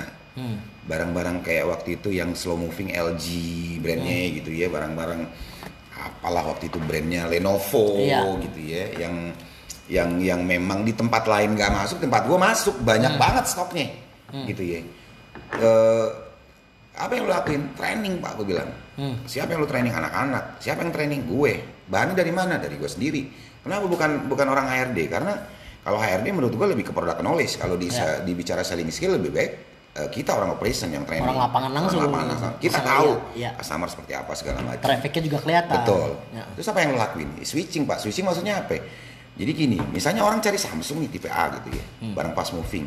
Kita tahu nih barang kita nggak ada. Hmm. Tapi anak-anak gua tuh tahu tipe, tipe brand lain dengan tipe yang sama. Speknya sama Speknya nih. sama. Nah. Gitu. Terus ngeyakinin orang apa? Dengan selling skill yang lain. kayak- terus kalau dia tanya barangnya, kita bilang bilang aja red line pak. Emang ada trik ya Iya. Itu trik Lu juga tuh. customer dong. Ya nggak juga Iya. pak. Lah sekarang barang kita nggak ada. Iya, Kan halus Halus Customer kalau udah bicara red line, ini barang ada di di, di pelabuhan nih, Iya, gitu ya nggak bisa keluar. Ketahan, ya, Ci, sepi. Cuman sepi doang ya kan. Nah cuman eh, dengan cara seperti itu, eh, masa dari 10 customer nggak ada yang nyangkut satu? Bener. Itu doang sih triknya. Makanya gue bilang tadi persisten bos. Betul Konsisten, training. Nah itu yang nggak dilakuin sama teman-teman dulu gitu loh. Jadi mereka nggak anggap "Lu ngapain gue capek-capek training orang. Iya Nah, cuman gue lakukan itu supaya target gue achieve. Benar, nah, gue inget itu, tapi sebet abis itu bro, gue dibenci sama teman-teman gue. Pasti Itu Itu mah udah pasti Serius Gue jadi gitaris Jadi pengajar laku aja Musuh gue banyak Kok laku banget tuh orang jadi gitaris Yang ngajar nih. Serius pasti PR gitu. baru bro. Ah, PR Karena baru. mereka eh, akhirnya apa yang gue share itu dijadiin program. Betul Gitu ya. Nah, gu- nah, gua resign itu gue inget tuh eh, di sana gitu ya enak. Sebenarnya kalau di sana udah enak banget lah bro, lu gila lu. Gaji 18 punya mobil eh, nggak ada lagi sebenarnya lu mau Udah, capek. mentok nih ya, mentok ya. Karena level di atas gua waktu itu masih ada masih belum kosong. Hmm. Gua inget banget waktu itu gua resign itu bulan Juli ya. Hmm. Di saat review terakhir itu juga sama satu-satunya achieve dari 16 cabang cuma region gue Anjir. meeting lagi panggil eh, plus buat firman bla bla bla bla gitu ya. Terus eh, Ini apa depan musuh-musuh lo lagi nih. ya kan? Ngelihat lagi nih. man lu share lagi man. Apa yang lu lakuin? Gue bilang ilmu gue sama dari terakhir gue sharing begitu begitu aja. Sampai bos gue bilang gini owner gue ya pakai bahasa Jawa gitu inget banget ya. Ngapain gue bayar lu orang cuman bisa jualan barang fast moving? Akhirnya translate tuh sama sama sama si eh, G- GM purchasing gue waktu itu ya. Kalian ngerti nggak yang nggak bahasa Jawa yang nggak ngerti bahasa Jawa gue bilang gue nggak ngerti kan gue bilang pak bapak bilang ngapain bapak gaji kalian dengan gaji sebegitu tinggi kalau cuman bisa jualan barang fast moving Ya. pada diem benci lagi teman-teman gue sama gue Lu penjilat banget nih orang. udah pasti kayak gitu asli. Udah pasti emang hukumnya udah kayak gitu, Bang. nah udah tuh sore gue udah siapin surat resign kan Hmm. karena gue udah dapat dapat tempat baru di tempat teman gue jadi VP bantuin dia punya perusahaan baru. Oke. eh, perusahaan reklame lah ya. Kalau lu bisa jualan billboard apalah tuh sampurna lain-lain Berarti ini hal baru lagi Hal nih. baru lagi nih gue ketemu. lagi, Nah, oke. udah tuh sore gue ajuin surat resign ke dirut operasional gue cewek kan. Oke. terus dia bilang lu gila apa man? Lu baru tadi lu dipuji-puji sama owner sekarang lu resign katanya lu PR banget. Gue Nah, jelasinnya gimana nih? gimana? Jelasin gimana? Ntar Iya. lu gua mau ke Malaysia lu minggu depan ketemu gua lagi gua minggu depan gua ketemu lagi eh, gini nih dia bilang gua tawarin offering baru Hmm. lu pegang area Sumatera deh pegang area Sumatera di bawah lu ada empat regi- eh, empat regional jadi naik posisi sebenarnya Hmm. gaji di tahun di offering gua waktu itu 23 Gila. 23 juta gua di offering plus COP bos Hmm. COP itu car ownership program Ya. seharga waktu itu masih 200an lah waktu itu ya sempet goyang bro Iya. Gue bilang ya kan Pilihan yang sulit. Cuman problemnya waktu itu gue dah Nek bro, nek juga begini. Iya, iya, iya. Lu berangkat pagi, pulang malam, berangkat pagi, pulang malam, berangkat pagi. Rutinitasnya kayak gitu, monoton ya? Terus, walaupun omset naik terus segala macam, tapi gue pengen cari kerjaan yang memang jam kerja itu bisa gue atur sendiri. Oke. Nah teman gue nggak nawarin, eh, lu tau nggak? Gue tanya waktu itu bukan gaji bro. Hmm. Dia nanya ke gue, gue nanya ke dia, bro jam kerja gue berapa? Jam jam berapa? Lu kan VP-nya, selalu ngatur jam berapa? Boleh nggak aku masuk jam 10 jam 11? Ya boleh lah, asal kerjaan lu beres. Gue pindah bro, cuma gara-gara itu. Gaji sama, Jadi sesimpel itu ya. Yang penting bisa membalikan waktu buat keluarga. Itu sih fokus sebenarnya. gua lebih Itu ke kan. situ waktu itu. gitu. Ah dari situ banyak lah gue pegang bantu bisa pernah juga di taman wisata gitu ya Mekarsari. Nah sebenarnya nggak mirip-mirip dengan pengalaman gue di sebelumnya sebenarnya adalah Mekarsari sih. Oke. Gue kenal sama ownernya segala macem bantuin operationnya. Waktu itu awalnya sebenarnya sebagai eh, kontraktor sih ya, tapi beliau percaya akhirnya gue minta bantuin operation dan lain-lain lah ya. Jadi simpulan cuma satu sih bro. Eh, apa namanya? eh, lu harus lakukan sesuatu yang nggak dilakuin orang Betul. itu yang sebenarnya menurut gue sebenarnya itu yang disebut dengan kreatif tuh itu ya Kreatif, Artinya- lihat peluang juga ya. peluang Lihat artinya lo harus berpikir uh, out of the box sebenarnya Ya, betul. jadi pada saat Setuju. orang lain cuma lakukan hal-hal biasa kita lakukan sesuatu yang berbeda. Makanya gue selalu bilang sama Erlan desain luan lu bikin desain yang memang orang lain nggak bikin. Tuh, dengerin tuh Lan. Uh, dia udah, udah paham lah. Sekarang kan sekarang gue yang keteter. Aneh-aneh aja isi laluan sekarang gue bilang. Gitu loh. Jadi yaudah Wan lu kerjain deh. Artinya eh, bicara konten kan. Bicara konten bicara kreatif eh, menurut gue setahun lebih. Makanya gue sekarang lagi develop Erlan untuk pegang eh, market marketing sama tenor relation karena gue gua yakin dia eh, Kemampuannya di situ. kemampuannya di situ Ya. dia punya punya soft skill lah ya gue Dan Aaron masih muda bang ya. Eh, mudah banget. Gak tau bentar ya? lagi nikah ya kan. Ya, jangan gatel lo, Lan. nah, Bang Firman, ini kan banyak banget yang bisa kita ambil ya, eh, ilmu dari lu nih. Dari lu pindah-pindah kerja, dari lu kuliah, dari anak perantauan, dari pokoknya banyak banget nih rekan-rekan para pendengar WTF khususnya di mana pun saja berada. Lu bisa ngambil hal-hal positif yang bisa eh, kalian pakai dalam kehidupan kalian sehari-hari. Jangan ngeluh mulu bang ya, Iya. hidup ya. Poinnya Iya itu kan? sih bro. Poin itu juga Poinnya ya itu. kan gue lihat bang Firman kan kayaknya eh, ambisi, ambisius. Iya. Tapi lu udah ngurangin nih. Udah, udah lah. Udah mulai. Mu- udah udah mulai lah harus. Iya, gitu. udah udah mulai nih, Bang. Harusnya yang, yang muda-muda yang maju sekarang mah. Ya, ya semua Harusnya. muda muda muda. Nih, gue sih masih banyak banget pengen diomongin. Cuman ini waktunya juga udah. Tapi ya, kita, kita iya. dua jam ya. Iya, kita dapat banyak banget yang pasti di sini. Dan Bang Firman adalah salah satu orang belakang layar eh Creo Creative Lot bisa se- sebesar sekarang pun salah satunya adalah pegangan tangan dinginnya dia nih. Hmm. Iya kan kayak gitu. Belum lagi di perusahaan-perusahaan sebelumnya. Jadi dia tuh bener-bener orang yang ibaratnya kayak tadi kita pernah dengerin kan tadi sebelumnya dia bilang kasih gua tempat yang eh ibaratnya masih zero nih, gue bakal bisa bikin lebih dari yang sekarang. Dia nggak mau dikasih tempat yang udah jadi bang ya. Iya. Lo nggak kayak gitu. Nah bang, gue mau tanya nih. Ini kan kita udah berbicara panjang lebar masalah karir lo, masalah masalah di Creo, pokoknya banyak hal ban- bagus banget yang di share di sini. Gue mau tanya sama lo untuk terakhir nih, apa arti keluarga buat lo bang? Waduh. Ayo, Ini yang, yang gini. sampai sekarang yang bisa bikin gua jalan lurus nih bro. Ya kan? Karena kan dulu gua kan kerjaan dulu loncat-loncat. Iya, Eh, i- keluarga tuh yang bikin kita Hmm. tuh mempunyai tujuan sebenarnya. oke. Eh, jangan je- apa ya namanya ya eh, anak itu kayak invest kayak investasi kita masa depan sama akhirat lah ya Oke. artinya apa yang lu lakuin itu akan jadi contoh bagi mereka Betul, gitu ya betul. jadi kalau lu tanya keluarga tuh artinya apa bagi gue itu yang bikin hidup kita lurus sebenarnya Hmm. Benar. gitu loh Benar. jadi eh, itu yang bikin kita itu nggak pernah capek sebenarnya Benar. gitu ya Dan uh, jadi memotivasi lo untuk Betul. bekerja lebih baik lagi Betul, bang ya. betul Kayak gitu. dan itu yang bikin akhirnya lu akan ngurangin dikit-dikit sifat ego lu Betul. gitu ya kayak misalnya gini kayak tadi lah Eh, man gaji lu berapa sih di sana man Iya. gue bayarnya dua kali lipatnya Hmm. Eh, gue akhirnya akhirnya berpikir bukan duitnya sih bro. Gue berpikir akhirnya lu perusahaan lu seperti apa? Perusahaan gue sekarang seperti apa? Gitu ya. itu yang bikin akhirnya gue tetap stabil. Iya. Eh, ya gini deh pak. Kita sharing aja. Sharing aja maksudnya. Gue sharing apa yang gua yang kita punya gitu ya. Apa yang kita pernah yang gue pernah kerjain lu coba jalanin ya dan triknya juga lu nggak mungkin bisa jalanin eh, apa namanya 100% kayak gue gua jalanin. Balik lagi kan bicaranya adalah personil tim sama dedikasi kita bareng-bareng gitu loh. Betul. nah itu yang sulit sebenarnya di copy paste gue yakin juga sebenarnya Creative Lot akan jadi lebih besar karena banyak banyak eh, poin-poin eh, of salesnya yang mungkin nggak dipunyain tempat lain. Betul. Bro, yang punya tanah 1,3 hektar di tengah kota itu kalau nggak konglomerat, kalau nggak BUMN. Betul. Itu doang poinnya. Benar. Artinya secara tempat, secara luasan udah menang. Betul. Terus yang kedua, yang mau perusahaan properti yang ngebangunnya melebar, itu siapa bro? Betul. Konglomerat nggak mau bro, mereka hitungannya udah naik ke atas.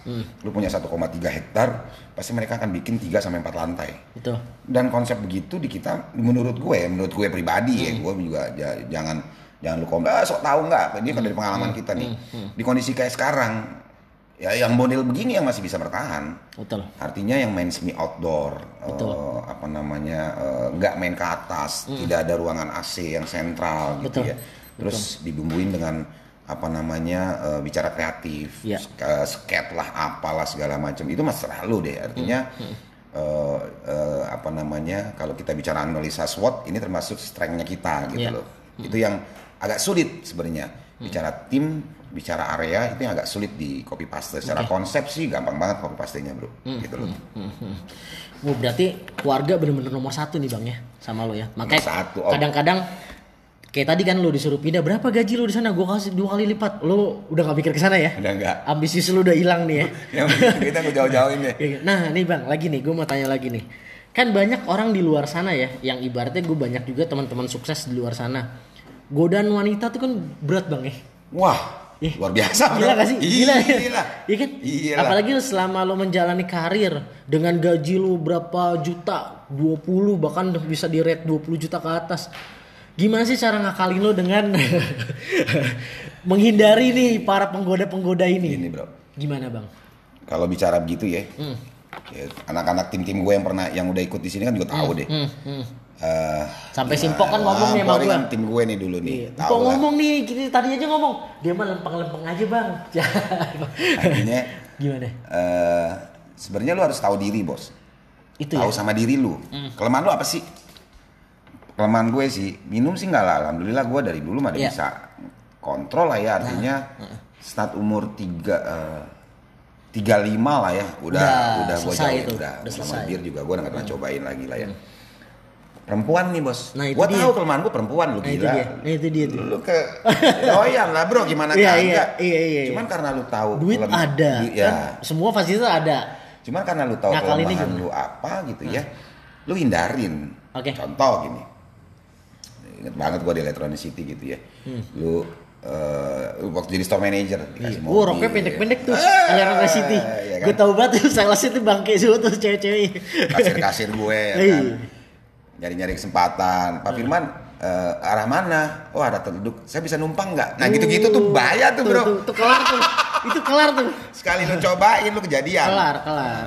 Kelar. itu yang yang yang yang karena gua, lu gua tahu diri gue itu yang gue hindarin gitu Lu sebisa mungkin lu belokin pasti Bang, gue ya? belokin gue bilang Lu belokin, gue mau mampir ke mana kayak apa supaya mereka juga nggak ngerasa inilah ya nggak merasa tersinggung atau Nggak apa merasa, oh so suci lu. Nggak sampai kayak gitu. lah. ya.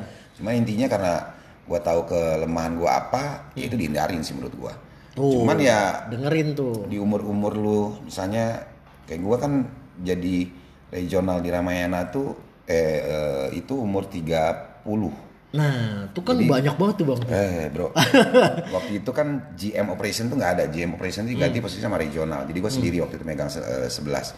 Jadi di sana pun gue dianggap anak bawang karena GM GM lain itu umurnya udah 35, 40. Jadi ke- yang nggak enaknya lo kalau buka toko di tempat lain ya, misalnya bisa dijangkau sama mobil. Kalau mereka bilang ini anak bawang, anak bawang nyetir, kata. anjir ada. Nyetir lah ke Bandung. Bolak-balik. banget ya? Bawang banget ya? Nah, godaannya banyak banget lah bro. Cuman ya tadi karena eh, harus tahu diri kali ya. Itu ya. Iya, lu Pertama itu tuh. diri. tahu Terus diri. yang kedua, ya rasanya sama sih Jack. Sama aja. Benar, benar. Itu yang ada di otak gue juga bang. Gue menghindari juga gitu. Gue bilang sama aja bini gue. Lu mau empot ayam juga bisa deh. Iya kan sama aja bener-bener. Karena godaan itu kan parah ya bang ya. Iya. Ya. Nama masalah. Iya, Satu bener ya. gak kelar lu. Nggak bisa habiskan nih bang ya. Kalau kita ngikutin gituan bang ya, parah ya. Malah zaman sekarang kan banyak yang nekat. Iya. Wah kita diduain juga nggak apa-apa kan gila. Oh, Dia iya. tahu nih kita punya keluarga nih. Iya. Banyak yang kayak gitu tuh. Ada yang nawarin sama gue. Nah sama, gue juga sama bang. Di DM gue, kan gue udah punya bini. Nggak apa-apa gue mau yang kedua. Ya gila gue bilang. Ada lagu itu. Ada lagunya tuh. Ada lagu ya nih, ya. jadikan aku ya. ya. Wah tuh gila, gila. Nah jadi tuh para pendengar WTF, lo kalau ngikutin hasrat keinginan laki lo nggak bakal ada habis ya bang? Nggak ya? bisa habisnya. Nggak ada habis ya.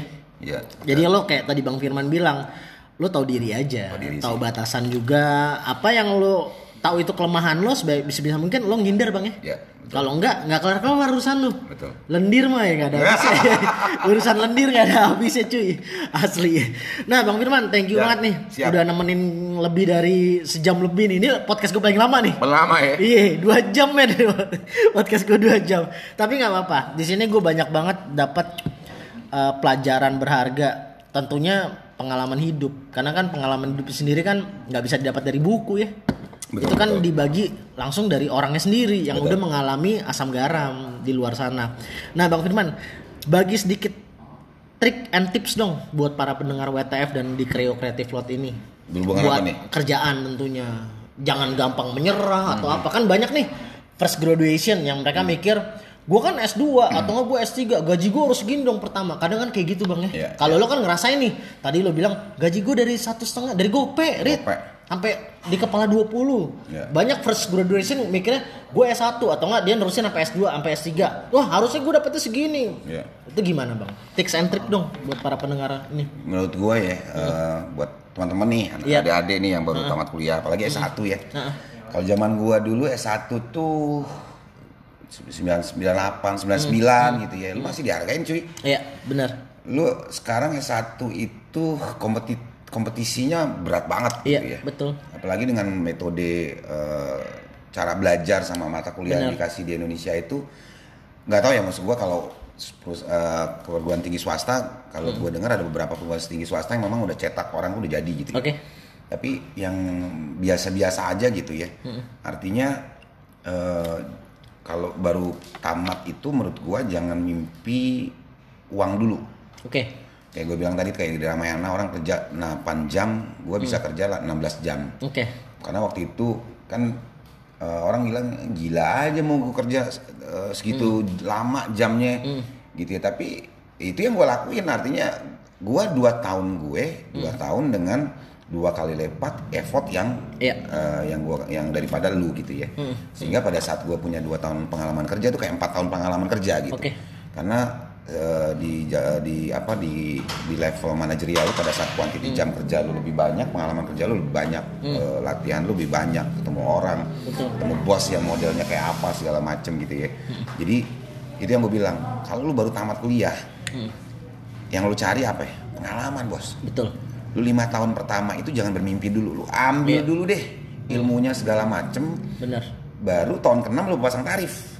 Bisa kayak gitu, Gue, harus kayak gitu ya. harus Strateginya, gitu. strategi Iya. seperti itu. Apalagi di zaman kayak sekarang nih bro ya. Betul.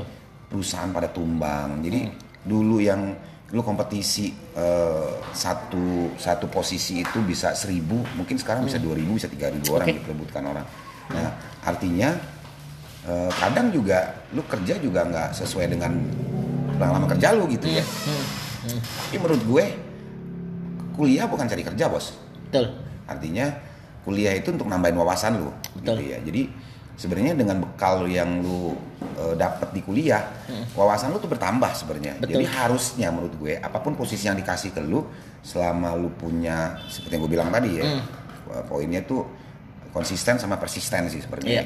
Gue tuh sebenarnya terinspirasi dulu tuh sama yang punya uh, uh, KFC, eh, KFC apa McD gue lupa. Oke. Yang Colonel dia- Sanders tuh berarti. Kalau KFC Colonel Sanders. Ya, yang dia di umur 60 something tuh baru baru bisa jadi konglomerat gitu ya 60 Oke, something. itu KFC. KFC. Iya, Nah, itu KFC. gua terinspirasi terinspirasi banget gua baca bukunya, pernah nonton Oke. filmnya gitu ya. Yang dia bilangin apa? Gua tuh nggak pinter. Iya. Gua tuh nggak jago sales marketing, kagak gua bilang. Dia gua tuh nggak jago bikin nggak gue gua yang gua jago-jago. lakukan tuh persisten. Oke.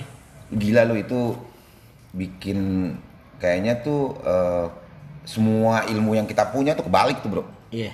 ngelihat dia anjing ini Iya. bilang Ternyata gua- salah nih konsep gua. salah ini. konsep Iya. kita jadi Iya, iya, selama lu lakukan sesuatu tuh dengan dengan cara dengan cara yang terus menerus konsisten segala nggak mena- nggak kenal menyerah segala macam Hmm. Iya. hasil Bismillah ujungnya tuh sebenarnya hasil itu pasti datang bos Iya. pasti datang nah Hmm.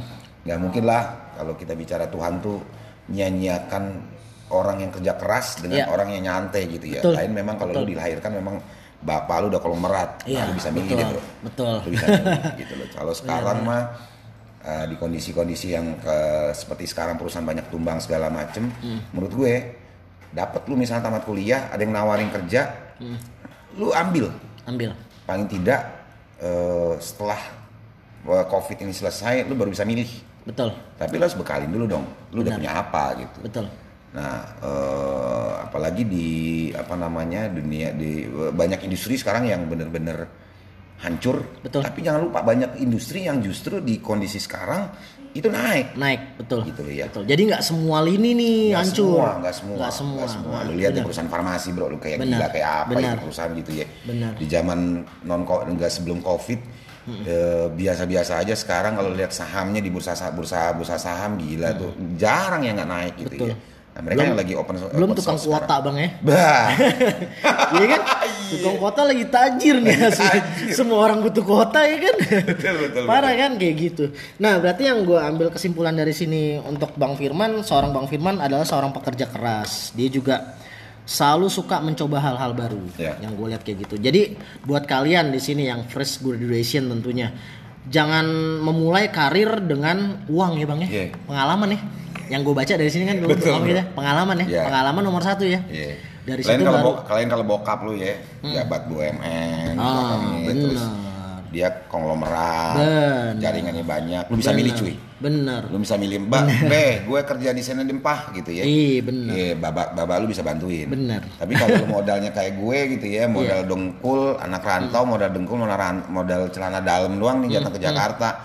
Ya udahlah, maksudnya cari ilmu dulu. Iya, nggak usah aneh-aneh.